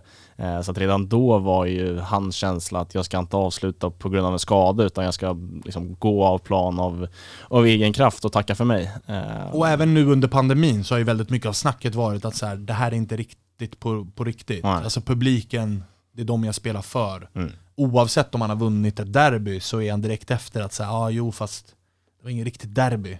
För att Nej. det är ingen publik här. Nej, men... Så att jag, jag, tror verkligen att det, jag tror att det är mycket hade det, var, hade det inte den här pandemin existerat och vi hade haft fullsatta läktare i Italien den här säsongen, då tror jag att det är mycket möjligt att han hade slutat nu. Mm. För det hade också varit ganska snyggt, om Milan löser topp 4, så hade det varit ganska snyggt i att så här, nu tog jag tillbaka Milan dit de hör hemma, till Champions League, nu tackar jag för mig. Mm och på en fullsatt arena. Det hade varit liksom bravo. Mm. Eh, men jag tror att det är det som gör att han, han hittar, han är ju en mästare på att hitta både så matchen i matchen och han, han är ju mästare på att hitta saker att brinna för.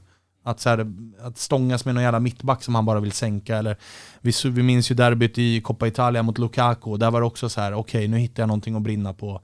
Eh, och nu eh, förhoppningsvis då så är det så här att han brinner för att avsluta värdigt. Det hoppas jag. Mm.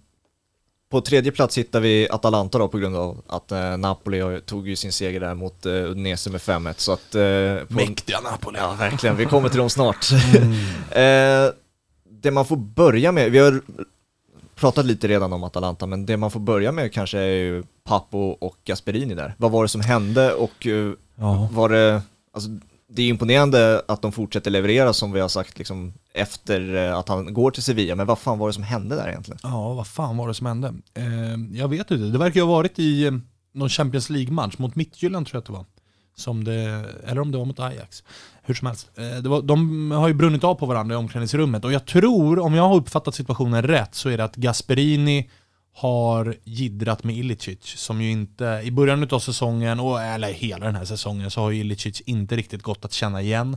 Han kom ju in i någon depression där när pandemin slog till ju och var ju inte med när fotbollen återupptogs, när Atalanta skulle spela semifinal i Champions League och allt vad det var. Frugan var otrogen eller Ja, det var, och jag vet inte om det, det verkade bara vara något rykte okay. som gick. Men, men, uppenbarligen så mådde han inte bra Nej. i alla fall, för han var, inte, han var inte i Italien och han var inte med. Sen började han ju sakta men säkert fasas in och som jag har förstått det, Papu Gomez och Ilicic hade en bra relation och någonstans så tyckte väl Gomez att eh, Gasperini gick för hårt åt Ilicic. Varpå de, han började ryta ifrån och de hamnade i beef och till slut så blev det ju, till slut så blev det ju barnsligt, det var ju ovärdig nivå. Att det var, jag kommer ihåg någon period där i december att Gasperini hade kritiserat Papu Gomes öppet i media om några taktiska grejer och Gomes svarade med att så här, skicka ut på sin Insta-story massa så här inzoomade bilder på honom att han visst var i defensiven och så. Alltså det vart det var en löjlig nivå på det där så till slut så fanns det ju ingen, till slut var det nog att Gasperini och Gomes var uppe hos den sportsliga ledningen och sa typ det är han eller jag.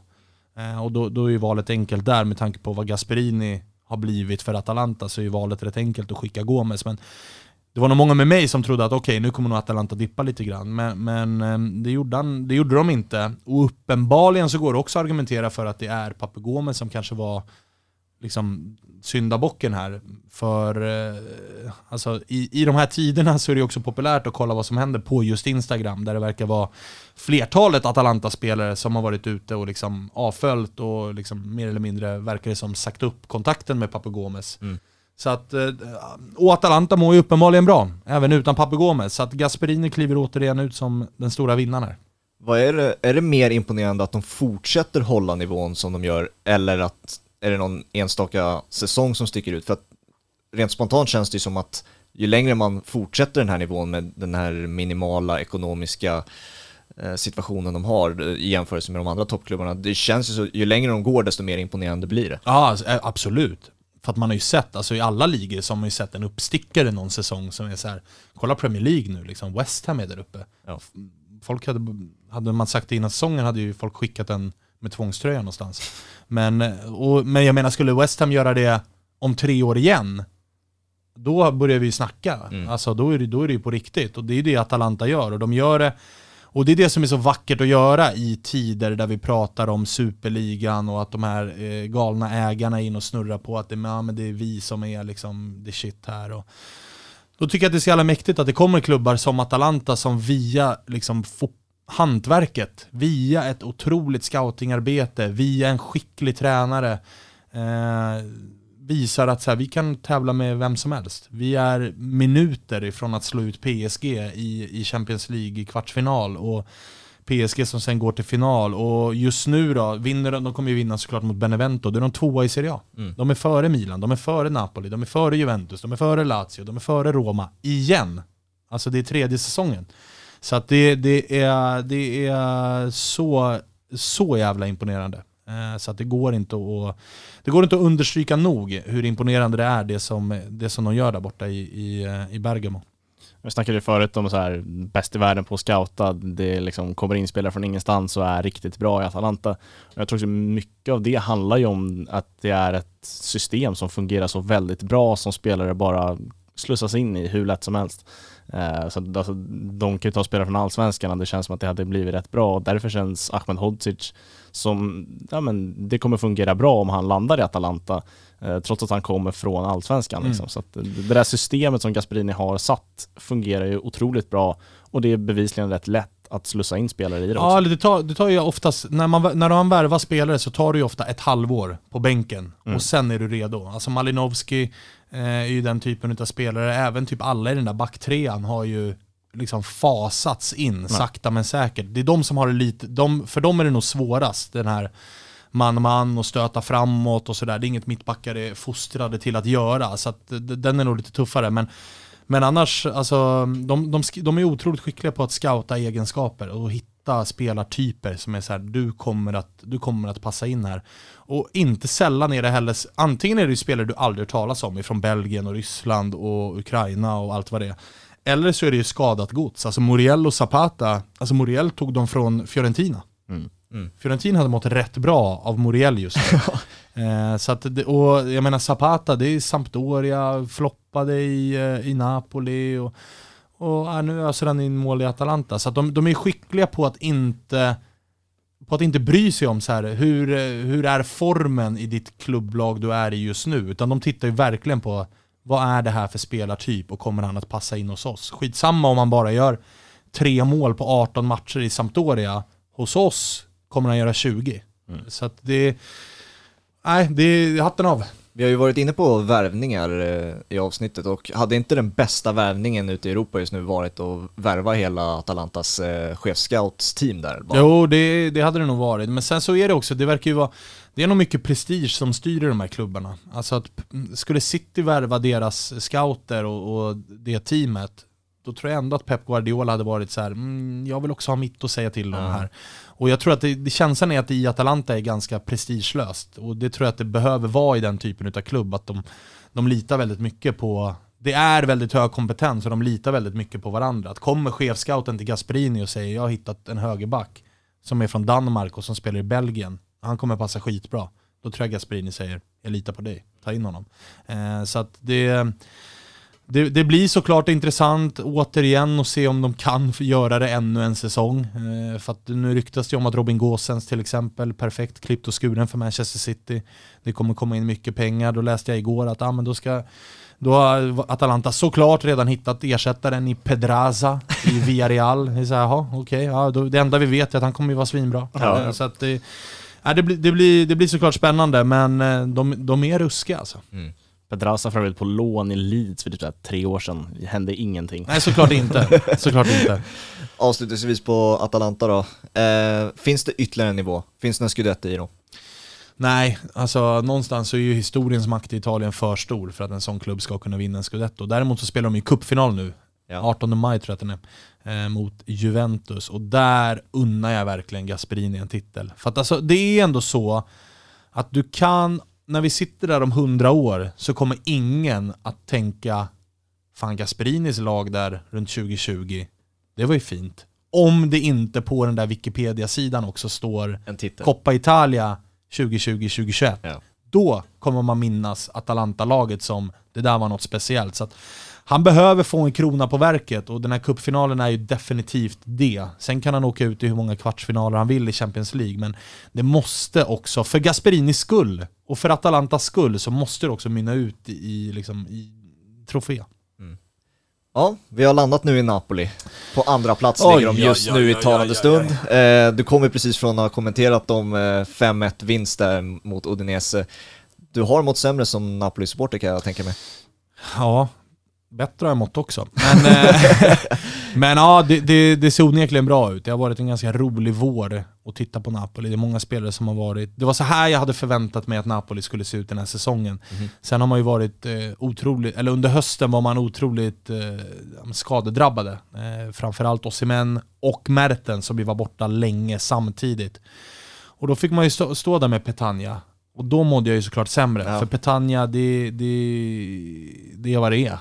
Alltså, lite så. Det, ja. Man vet vad man får och man vet att här kommer det inte flyga in bollar utan det kanske stångas in någon kasse. Och allra sämst var det väl där runt eh, december när man mötte Lazio borta och man, man, knappt hade ett lag och Petagna skulle stångas med, med Acerbi och det, det, det var en mardrömshistoria på alla sätt. Det var senast Napoli blev nollad i en match för övrigt. 24 raka matcher utan att vara nollade i Serie A. Klubbrekord. Eh, lite bonusinfo. Men hur som helst, det, nu ser det bra ut. Zielinski den här våren har ju varit helt otrolig. Uppe på åtta mål och tio ass nu. Osimhen, eh, nu gjorde han inte någon poäng igår, men han har ju öst in här på slutet också. Så att, och varit så bra som man hoppades att han skulle vara. Och det som man fick glimtar av i inledningen innan skadorna och covid och sådär kom. Så så såg man verkligen framför sig att så här, vänta nu, det här är en spelare som ganska snart kan vinna skytteligan i Serie A. Så mm. pass bra igen. Jag såg Vicky ville ha Zielinski i Real Madrid. Ja, alltså jag, eh, jag ser inget slut på, på den höjden. Utan det, Och där tror jag att vi kan få det svettigt i sommar i EM, för att många tänker Lewandowski bara. Mm. Men alltså Zielinski i den här formen gör ju vad han vill på en fotbollsplan just nu. Så det, det, det är en jävla spelare, Zielinski, som ju Liverpool har varit och ryckt i och som, eh, om De Laurentiis vill, nog kan ta ganska bra betalt för. Det imponerar också med Napoli, alltså här, klubbrekord, antal mål, matcher i rad. Förut har det varit så tydligt, det är Lavetzi, Cavani och sen Insigne, Mertens, eh, Hamsik. Liksom, det har ju varit nästan alltid i offensiven. Jävla, jävla fint att du inte ens nämner Iguain här. Nej, glöm med bort honom. Nej men det har väl liksom varit så tydligt att det är offensiven styrkan finns och det är väldigt bra fotbollsspelare där framåt. Och det är det ju nu också, men det har varit en större ruljans. Det är Lozano ibland, det är Insigne, har inte startat alla matcher så och inte heller varit liksom, han har varit jättebra så, men det är inte så att det öser in mål bara från honom utan det är Osimhen, eh, Petagna kommer ändå in och gör något mål här och var. Ja det, exakt, han hittar ju ändå några sådär. Eh, så, Benevento-matcherna, där, där, ja, där är Petagna bra. Men det, det är liksom en större ruljans åt spelarna och det har ja, men någonstans blivit ännu bättre. Ja, och det är det som är imponerande när man sitter och tittar igenom, som man gör när man ska kommentera matcherna, så sitter man och kollar igenom liksom statistiken på, på laget. Och då är det ju Insigne 18 kassar och sen har du ju bakom honom så är det ju, där är ju Osimhen på 10, där är Lozano på 11, där är Politano också uppe på samma siffror, Zielinski på 8. Alltså, det är många spelare som, och Mertens har ju sina mål och assist också, så det, det, är många poängspelare och det känns... Det är det som är kul just nu, att när de gör bytena så känner man ju inte att det blir... Det såg man igår mot Udinese, att så här, okej, okay, nu kommer Politano in och Mertens in, båda, ja, det är ju bara att fortsätta gasa. Ja. Det är inte... Det är inte, och det tror jag att, Mi, alltså till exempel om man jämför med Milan, det var mitt argument den här säsongen till att jag tror att Milan kommer att sluta bakom Napoli. Det var att jag ser inte samma bredd i Milan. Att när du tar ut Zlatan, vad kastar du in då? Ja, Leao. Mm. Absolut bra potential och sådär, men det är ingen nia som bombar in kassar. När du plockar ut eh, Chalanoglu, vad har du där bakom då? Det är, det är, inte samma kvalitet på Diaz, även om han gjorde en fin match mot eh, Juventus. Castillejo, jag tycker inte... Alltså hade Castillejo varit i Napoli, han är ju högerytter, han hade ju inte gått före Politano och han hade absolut inte gått före Lozano. Nej. Så i, Nap i Milan är han tvåa, i Napoli hade han varit trea. Eh, så att bredden i Napolis offensiv är faktiskt ruskig. Sen har man ju tydliga problem i ytterbackarna, man har tydliga problem i, i defensiven där man har, eh, man släpper ju gärna in ett mål per match och då behöver man ju göra två, tre, fyra. Och de matcherna där de här offensiva spelarna har en sämre dag eller där skadorna gör sig påminda, då, då har det ju ibland sett lite småstyltigt ut. Men eh, på det stora hela och med den här våren i ryggen så går det inte annat än att vara än att vara jättenöjd. Mm. Jag minns att du sa i förra avsnittet att du aldrig skulle kunna se Napoli vinna en scudetto med den här ägaren. Men om du hade haft informationen på förhand att Juventus inte, alltså, kommer vara rekorddåliga, ändras dina förväntningar någonting då? Inte när, inte när Inter är det de är den här säsongen, men däremot så tror jag, däremot så, så här, jag tror att Napoli har väldigt goda chanser nästa säsong. Mm. För tittar man på den här åldersstrukturen på de här offensiva spelarna som vi är inne på, så är det många som bör vara runt sin peakålder nu. Det är väl Merten som är 34 ja, där någonstans. Ja. Men i övrigt så är Insigne, Politano, de ska fylla 30 nästa år. Det är typ då någonstans du pikar. Zielinski 26, ska fylla 27. Fabian Ruiz något år yngre. Eh, där finns Lozano och Osimhen som båda två är unga men som nu kliver in på sin tredje säsong i en topp 5-liga i Europa. Så att det är ett lag som generellt sett ska vara som allra bäst typ nästa säsong. Eh, och med ett Inter då som har spelare som är generellt sett äldre och dessutom då kanske lite mätta då, med, för där var någonstans uppdraget för de här Interspelarna var att vinna scudetto. Gå förbi Juventus. Nu gjorde man det, och med tanke på hur man chokade i Champions League så tror jag att nästa säsong kan det bli lite mer så här: okej, okay, hörni, skärp er i Champions League. Mm. Vi måste fan visa att vi inte är där också. Och att det kanske blir lite större fokus på den. Och att det då kan vara ganska bra läge för Napoli att vara med från start. Eh, så så jag tror att det kan vara bra läge nästa säsong. Eh, beroende på då vad De Laurentiis gör den här sommaren. Han kan ju få för sig att sälja Koulibaly och Zielinski. Och då, då, då blir det ju slåss om Champions League igen. Arenan heter ju numera Stadio Armando Maradona, Diego mm. Armando Maradona. Mm. efter legendens bortgång. Hur påverkade det säsongen för både Napoli men också dig som supporter? Mm, ja, det var ju, alltså någonstans så var det ju en tidsfråga. Alltså det, han har ju varit nära ett par gånger. Mm. Han har ju duckat ett par kulor. Ja. Eh, och, och, men sen tycker jag, det, det, för mig min största sorg i det här är ju att pandemin pågick och att man inte kunde åka ner. Annars hade man ju hoppat på första plan och, och varit på plats. Eh, och det grämer ju en jättemycket. Alltså jag hade verkligen, verkligen velat vara där. Jag, jag är där generellt sett ganska ofta, såklart mindre nu när jag börjat jobba med att kommentera Serie A, men innan det väldigt mycket på plats. Och eh, det var ju dessutom, man gick ju bort och då var det ju en torsdagsmatch i Europa League som gjorde att den hade man ju faktiskt kunnat åka på och vara på plats. Mm. Och eh, Samtidigt så landade jag också i att så här, det var nog bra att arenan var stängd. För att jag vågade inte ens tänka på det trycket det hade varit från alla att vara på plats den matchen. Så det hade nog kunnat bli lite halvkämpigt, på, även om det i Neapel alltid har en förmåga att lösa sig. Eh, det, det är märklig tendens i den stan, att hur mycket man än kan känna att man sitter i skiten så, så landar man alltid på fötterna. Eh, nej men det, det, som supporter grämer det mig jättemycket, just det. Att så här, jag hade velat vara där och dela sorgen med, i den staden. Eh, så. Sen, tror jag inte. Alltså, jag tror att det, det var en märklig match mot Roma den helgen ju. Eh, på hemmaplan. En match där jag, eh, jag satt i studion då på fyran och pratade med, med Backe och några. Och jag, jag är ju helt övertygad om att Roma kunde inte vinna den matchen. Alltså de kan inte. Nej. Och det handlar inte om att det är en läggmatch, att de går ut och lägger sig, utan de har ju såklart sett alla bilder och påverkats av det här också. De förstår innebörden av att komma till den staden. Och jag tror att de någonstans kände att så här, om Napoli bara är tillräckligt påkopplade och vill det här tillräckligt mycket så det blir svårt för oss att stå i vägen. Mm. Eh, så att det, det, det blev märkligt. Men sen efter det så tror jag att man som spelare borstar av sig det ganska snabbt. Att man kanske snarare växer utav det. Eh, det har vi ju sett eh, många exempel på i fotbollsvärlden av att jag minns att när Astori gick bort i Fiorentina så går de ut och vinner matchen därefter och kommer in i dessutom en ganska bra period resultatmässigt om jag inte är helt snett på det.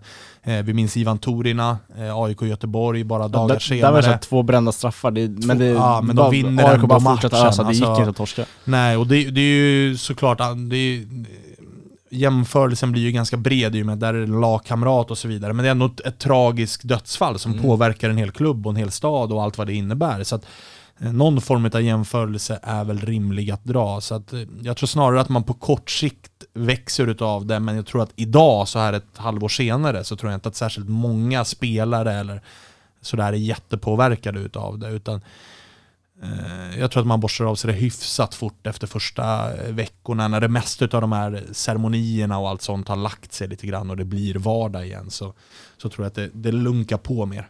Mm avslutningsvis då på Napoli, Gattuso har ju Alltså det finns ju ingen framtid i eh, Napoli verkar det som. Nej, Efter... Ja, alltså rapporterna börjar nu komma om att här, han har truppen med sig, truppen vill ha kvar honom och, och... Vad var det som hände där med ägaren? Det var att han ringde olika alltså tränare kom, och kollade läget? eller? Ja men exakt, alltså det kom rapporter, ganska trovärdiga sådana, om att De Laurentiis har börjat scouta ersättare. potentiella ersättare ja. till sommaren. Att så här, vilka är sugna? Är Allegri sugen? Är Spalletti sugen?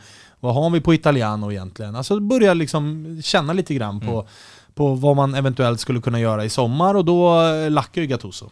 Mm. Att här, han tycker att det är disrespect. Mm. Typ så verkar ju Gattuso ha glömt att samma sak hände ju för ett år tidigare när han själv fick samtalet samtidigt som Ancelotti var tränare. Så han, han är, uppenbarligen har han varit tillräckligt kort tid i branschen för att inte riktigt fatta Nej. att så här, det där är, det är rätt rimligt faktiskt. Um, så att, men däremot så har ju den här våren, och kniper man en andra plats eller sådär så, så, så kan det ju faktiskt bli eh, riktigt bra. Och då med tanke på att han har truppen med sig så, ja, då hittar man inte, alltså jag är inte sålt på Spalletti. Nej. Ja, då behåller jag nog fan hellre, hellre Gattuso. Så att jag, mm, jag, jag vet fan inte vilket ben jag står på här. Nej. Jag, jag, jag har inga problem med att Gattuso är kvar. Det är ändå en man ifrån södra Italien.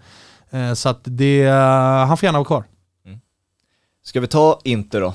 Vi tar scudetto-vinnarna. Eh, om man tar bort Juventus ur ekvationen helt, varför vinner Inter just i år? Varför är de så pass överlägsna i år? Därför att de har byggt ett lag som ska vinna. Alltså det är bara idel vinnare i det där laget. Tittar du spelare för spelare för spelare, det, så är det spelare som har vunnit. Som vet hur man vinner. Och tittar du på Juventus lag så är det en handfull spelare där som vet hur man vinner. Eh, och det går absolut att argumentera för att de spelare Juventus har som vet hur man vinner har passerat sin peak. Chiellini, Buffon, eh, Bonucci mycket skadad. Ronaldo går att argumentera för att han har passerat sin peak också.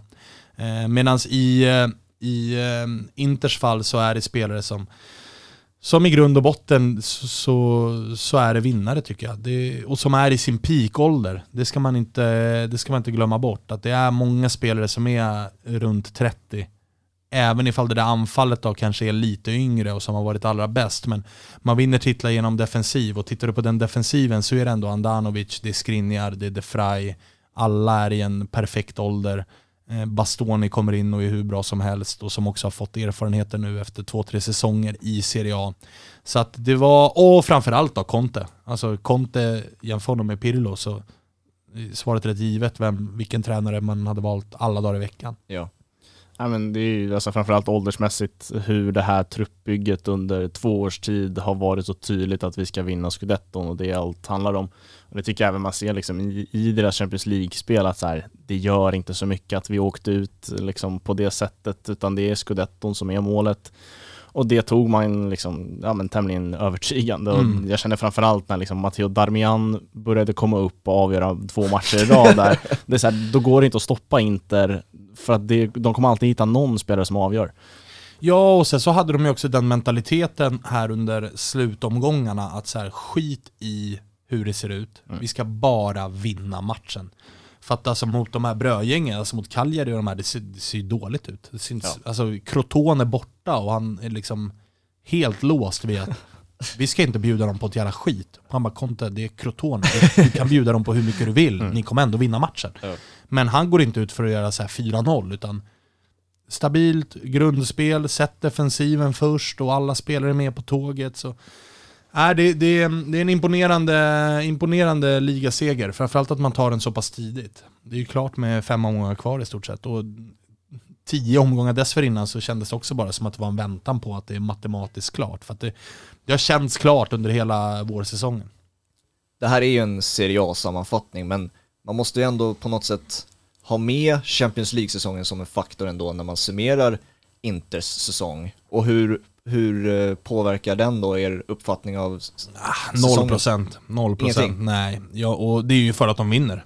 Men det är ett riktigt bottennapp i Champions League. Ja, det är det. Men, men Alltså vinner du scudetton efter att Juventus har vunnit en nio raka år så går det inte att göra annat än att säga att det här är en otroligt lyckad säsong. Det, det går liksom inte, för det är, det är det tydliga målet. Och jag menar, en frågar du en Inter-supporter idag så säger han att ah, vi hade ändå åkt ut i en åttondel, vi hade ändå åkt ut i en kvart. Och vad fan spelar det för roll då? Då, då är det nästan bättre att åka ut i gruppen och framförallt att missa Europa League. Mm. För att, jag menar, då får du får du liksom tio resor till. Alltså det, den, är ju, den, är, den är bara jobbig och det går absolut att argumentera för att det schemat, i den perioden när Milan fick spela Serie A på helgen, åka till Serbien, åka till Manchester, mm. hålla på och larva sig med det där, då kunde Inter vila. Så att det går absolut att, att säga att de tjänade ju på att floppa totalt. Och som sagt, alltså jag tror inga Inter-supportrar liksom grämer sig över att man kom sist i den där Champions League-gruppen idag. Nej, men för också i Europa League så går man ju till kvartsfinal utan att egentligen försöka. Eh, och det... Milan försökte ju typ åka ut mot Röda Stjärnan, ja, men lyckades inte. Det var ju Mourinho som lyckades med Tottenham där på, på i, i Zagreb. Men man går ju oftast till kvartsfinal om man heter Inter med den truppen och ja, då är det resor till och då hade det säkert varit en tajtare scudetto-strid. Uh, och det, scudetton var ju deras mål och det var det de nådde. Så det... Ja, nej, alltså jag tror att det där Champions League-liret, jag tror att det jag tror inte de bryr sig. Till sist då, Contes framtid. Det var ju redan en diskussion redan innan den här säsongen, mm. att det mm. var bråk med de högsta hönsen och så vidare. Alltså, det är ju bara, det kan ju inte vara mer än en säsong han blir kvar, om han blir kvar den här kommande säsongen. Han, är ju, han sätter ju höga krav och hög press och det är väl det som har lett till att det, de här ryktena har kommit. Att han inte är nöjd med vilka spelare han får in. Han vill ha mer, han vill ha bättre. Och det är för att han är en vinnare. Han vet vad som krävs för att vinna. Det är därför han går till Marotta och gänget och säger att det här behöver jag. Och får jag det här så vinner vi. Eh, så att, och det vi kolla på, han hade ju rätt. Han ville ha Lukaku och sa pröjsa det som ska pröjsas. får jag in Lukaku så vinner jag. Mm. Och det gör han. Eh, så att, och det rapporterades ju att han dagen efter de vann scudetton gick upp till högkvarteret med lappen att de här tre spelarna ska jag ha. Hade man ju gärna velat veta vilka namn som stod på den, ja. men, men eh, det säger ju en del att han tänker hela tiden på att vinna. Igen och igen och igen. Eh, och det är imponerande att, att ha, där är man ju avundsjuk. Jag hade gärna haft den, den typen av jag hade väldigt ogärna haft personen Antonio Conte som Napoli-tränare, men jag hade gärna haft eh, liksom, karaktären av en tränare som alltid vill vinna så mycket på det sättet. Det är så desperat för att, för att vinna fotbollsmatcher. Så att det, jag tror att så länge Inters ledning orkar med hans eviga tjat och orkar med hans liksom höga energi och hans kravställning så då tror jag att han kan vara kvar hur länge som helst. Även om historiken med Conte tittar vi på de klubbarna han har varit i, Juventus och Chelsea, så är det ju det är tre säsonger. Och sen är det ju över. Eh, och sen orkar man inte mer. Och skulle Inter inleda knackigt i ligan och knackigt i Champions League, då, då tror jag att det kan brinna ganska fort. För det, det är den typen av klubb, Inter. Eh, och det är den typen av tränare som, när han bestämmer sig för någonting så, så då, då kan det gå undan avslutningsvis då Hampus, du hade någon slags elva du vill dra. Mm. Jag vet inte riktigt vad, vad det oj, oj, oj. innebär. Nej, jag har tagit ut en elva, inte på något sätt eh, den bästa Serie A-elvan utan spelare som har träffat mig mm. och tycker är eh, ja, men värda att omnämna den. Många, många namn har nämnts så att jag har ställt upp det i en 4-4-2, eh, det enda rimliga sättet att spela fotboll på såklart. Eh, Dragowski i mål. Sen är det Hakimi... face direkt där. Hakimi, Tomori, Bastoni, Gåsens. Eh, ja, Gåsens är viktig. Mm. Han är fan bra. Ett mittfält med Kesa, Malinovski, Zelinski, Insigne. Och sen på topp är det Vlahovic och Skamacka. Och Skamacka är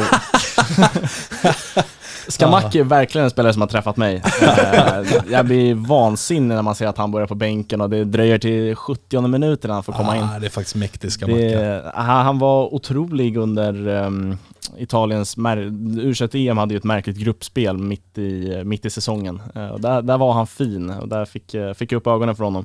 Uh, men alltså Vlahovic och Skamacka på topps, just med så Milans tradition av att spela två på topp om typ 5-6 år så Om Berlusconi kommer tillbaka, Exakt. då kan det vara dem. Då, då kan det vara dem. Och då, då blir det bra. Ja, men jag gillar den elvan. Eh, jag tycker att den är rolig. Skamacka är ju också, det är ju en Svanemar-gubbe helt klart. Alltså med uppsynen, med tatueringarna och med liksom den karisman så är det ju svårt att ogilla honom. Men eh, Ja det är klart, det är inte det bästa laget du har tagit Nej. ut, det är det ju inte. Men, men det är ett roligt lag du har tagit ut. Dragowski i kassen, den, den, har, jag dock, den har jag dock svårt att se. Det, det, han gillar jag verkligen inte. han, eh... Framförallt gill, jag gillar att han har fått stå många matcher i deras typ tredje ställ som är jävligt snyggt. Ja, det, och det, vi, jag tror att det är annars Genoa som är liksom fanbärare i att ha de har, de har ju liksom hemmatröjan som målvaktströja när de spelar på bortaplan. Ja. Det är också det är en fin grej.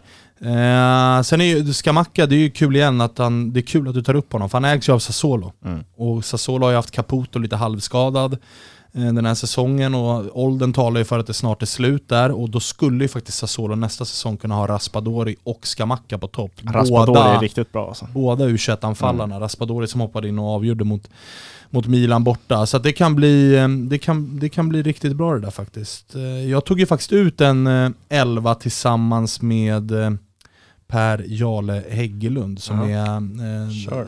Ja, jag nämnde ju honom. Norska eh, Strive-kommentatorn. Som är säsongens bästa elva. Ska vi dra den? Ja, kör. Donnarumma i mål. Sen har vi en, en fyrback med Hakimi, Skriniar, De Frey, Theo Hernandez. Men Ja, det här är ju hans. Jag petar ju Theo och sätter Robin Gåsens. Jag tycker Robin Gåsens är bättre. Så Hakimi, Skriniar, De Frey, Gåsens. Sen har vi ett centralt mittfält med Sergej Milinkovic Savic, Frankesi och Barella. Och så som tia då, fri roll Insigne, på topp Lukaku Ronaldo. Det måste ju vara den bästa elvan. Ja, man försöker... Alltså jag tänker på Frankesi, han var ju nära att leta sig in i min elva också, men så skickade en polare igår, så Zielinski otrolig, och så kommer jag ihåg att jag såg någon statistik att han är så överlägsen när det gäller tunnlar. Ja, alltså, och han drog ju en ny igår också. Ja, exakt. han är också bäst i världen på kröjfinten. Mm. Helt överlägsen. Så att, eh, nej, man har ju även de där små usparna, Zielinski, som Ja, gör ja, att han definitivt. letar sin. Definitivt. Eh, Mekesi är ju ja, helt Alltså jag otrolig. gillar ju din elva mer än vad jag gillar din. jag säger bara att min elva, den, Den är bättre. slår nog din Ja, elva. definitivt. det gör det nog garanterat. Men din är roligare att titta på. Ja, det var Serie A-säsongen eh, in, nästan 2020-2021. Det är lite Nästan kvar. ja, nästan. Vi Lite har, kvar. vi har två och en halv, typ tre. Eh, jävligt roliga omgångar kvar, för det lever ju i ehm, eh, Champions League-striden och det lever ju faktiskt även i bottenstriden. Och det är ett par lag där nere som ska möta varandra, även om jag fortfarande är förbannad över att Benevento inte fick det där krysset som de skulle ha. Där, eh, hörde ni efter rapporten om det eller? Nej. Där Mats Soleni alltså var VAR-domare, det var han som tog det här beslutet. Och nu är ju Benevento fly förbannade då Mats Soleni satt i VAR-rummet, inte i domardressen som man ska göra, utan han satt i jeans. Och det har ju Beneventos president nu uppmärksammat och tycker att det är sån otrolig disrespect och säger allting om vad han har för inställning till den här väldigt viktiga matchen. Att han sitter där i jeans som om det är någon jävla söndagsfika han är på. Så att det, det händer grejer i Italien Ja. och det ska bli kul. Vi måste också nämna att Salernitana är tillbaka. Efter 22 jävla års väntan så får Napoli äntligen en värdig derbymotståndare där nere i södern. Har ni inte varit på Stadio Areki så hoppas jag att ni när pandemin släpper tar chansen att åka ner och kolla Serie A-fotboll på Stadio Areki i Salerno, för det är kanske den bästa fotbollsarenan som finns i Italien. Får ta med oss någon gång. Ni är så välkomna. Jag har varit där ett gäng gånger och det är, är det är helt underbart. Branta läktare, inget tak, södra Italien, gassande sol. Springer runt några 12-åringar och säljer bärs på läktaren. Det är, det är total gåshud alltså. Ja, jag älskar ju playoffsen i eh, Championship och de är ännu, ännu längre i eh, Serie B. Så att, Mm. eh, det finns ju också kvar i den italienska säsongen. Ja, verkligen. Och där är det ett par roliga lag. Lecce, Brescia, Monza. Monza vill ju många ha upp för att Balotelli är där och Berlusconi där och Galliani är där. Men det är en otroligt osexig klubb. Inga supportrar, ingen läktarkultur, en liten pissig arena. Då tar jag hellre Lecce, eller Brescia. Brescia är ju Atalantas stora lokalrival, så då får vi ett till derby. Eh, även om Lecce är ju det är också ett skönt gäng med, och södra Italien. Så att, eh, Lecce eller Brescia, eller Venezia kan ju vara kul också med Venedig. Så mm, ja, någon av de tre då. Måns är väl mest känd för eh, racing, det var väl där... eh, Det är det de ska hålla sig till. Jag tror att det var där eh, Kenny Bräck kraschade så in i helvete. Eh, ett under fan. att han överlevde. Nu kanske jag är helt ute och cyklar, men eh, det är vi, inte min sport heller så att det... vi, vi avslutar där. Eh, stort tack, jävligt gott sur boys. Ja, riktigt köttigt avsnitt. alltid lika fint att surra Serie A. Ja, stort tack är att du gästade. Ja, tack säger jag också. Det var, det var jävligt roligt. På sociala medier hittar ni oss på två pubbollen på Instagram och två bollen på Twitter. Följ oss gärna där. Och sen på hörs vi sen igen på tisdag, då är det en ny Game Week. Och därefter på fredag avsnittet blir det Premier League-summering. Så ses vi och hörs vi då. Vi. Ha det så bra. Ciao! Ciao.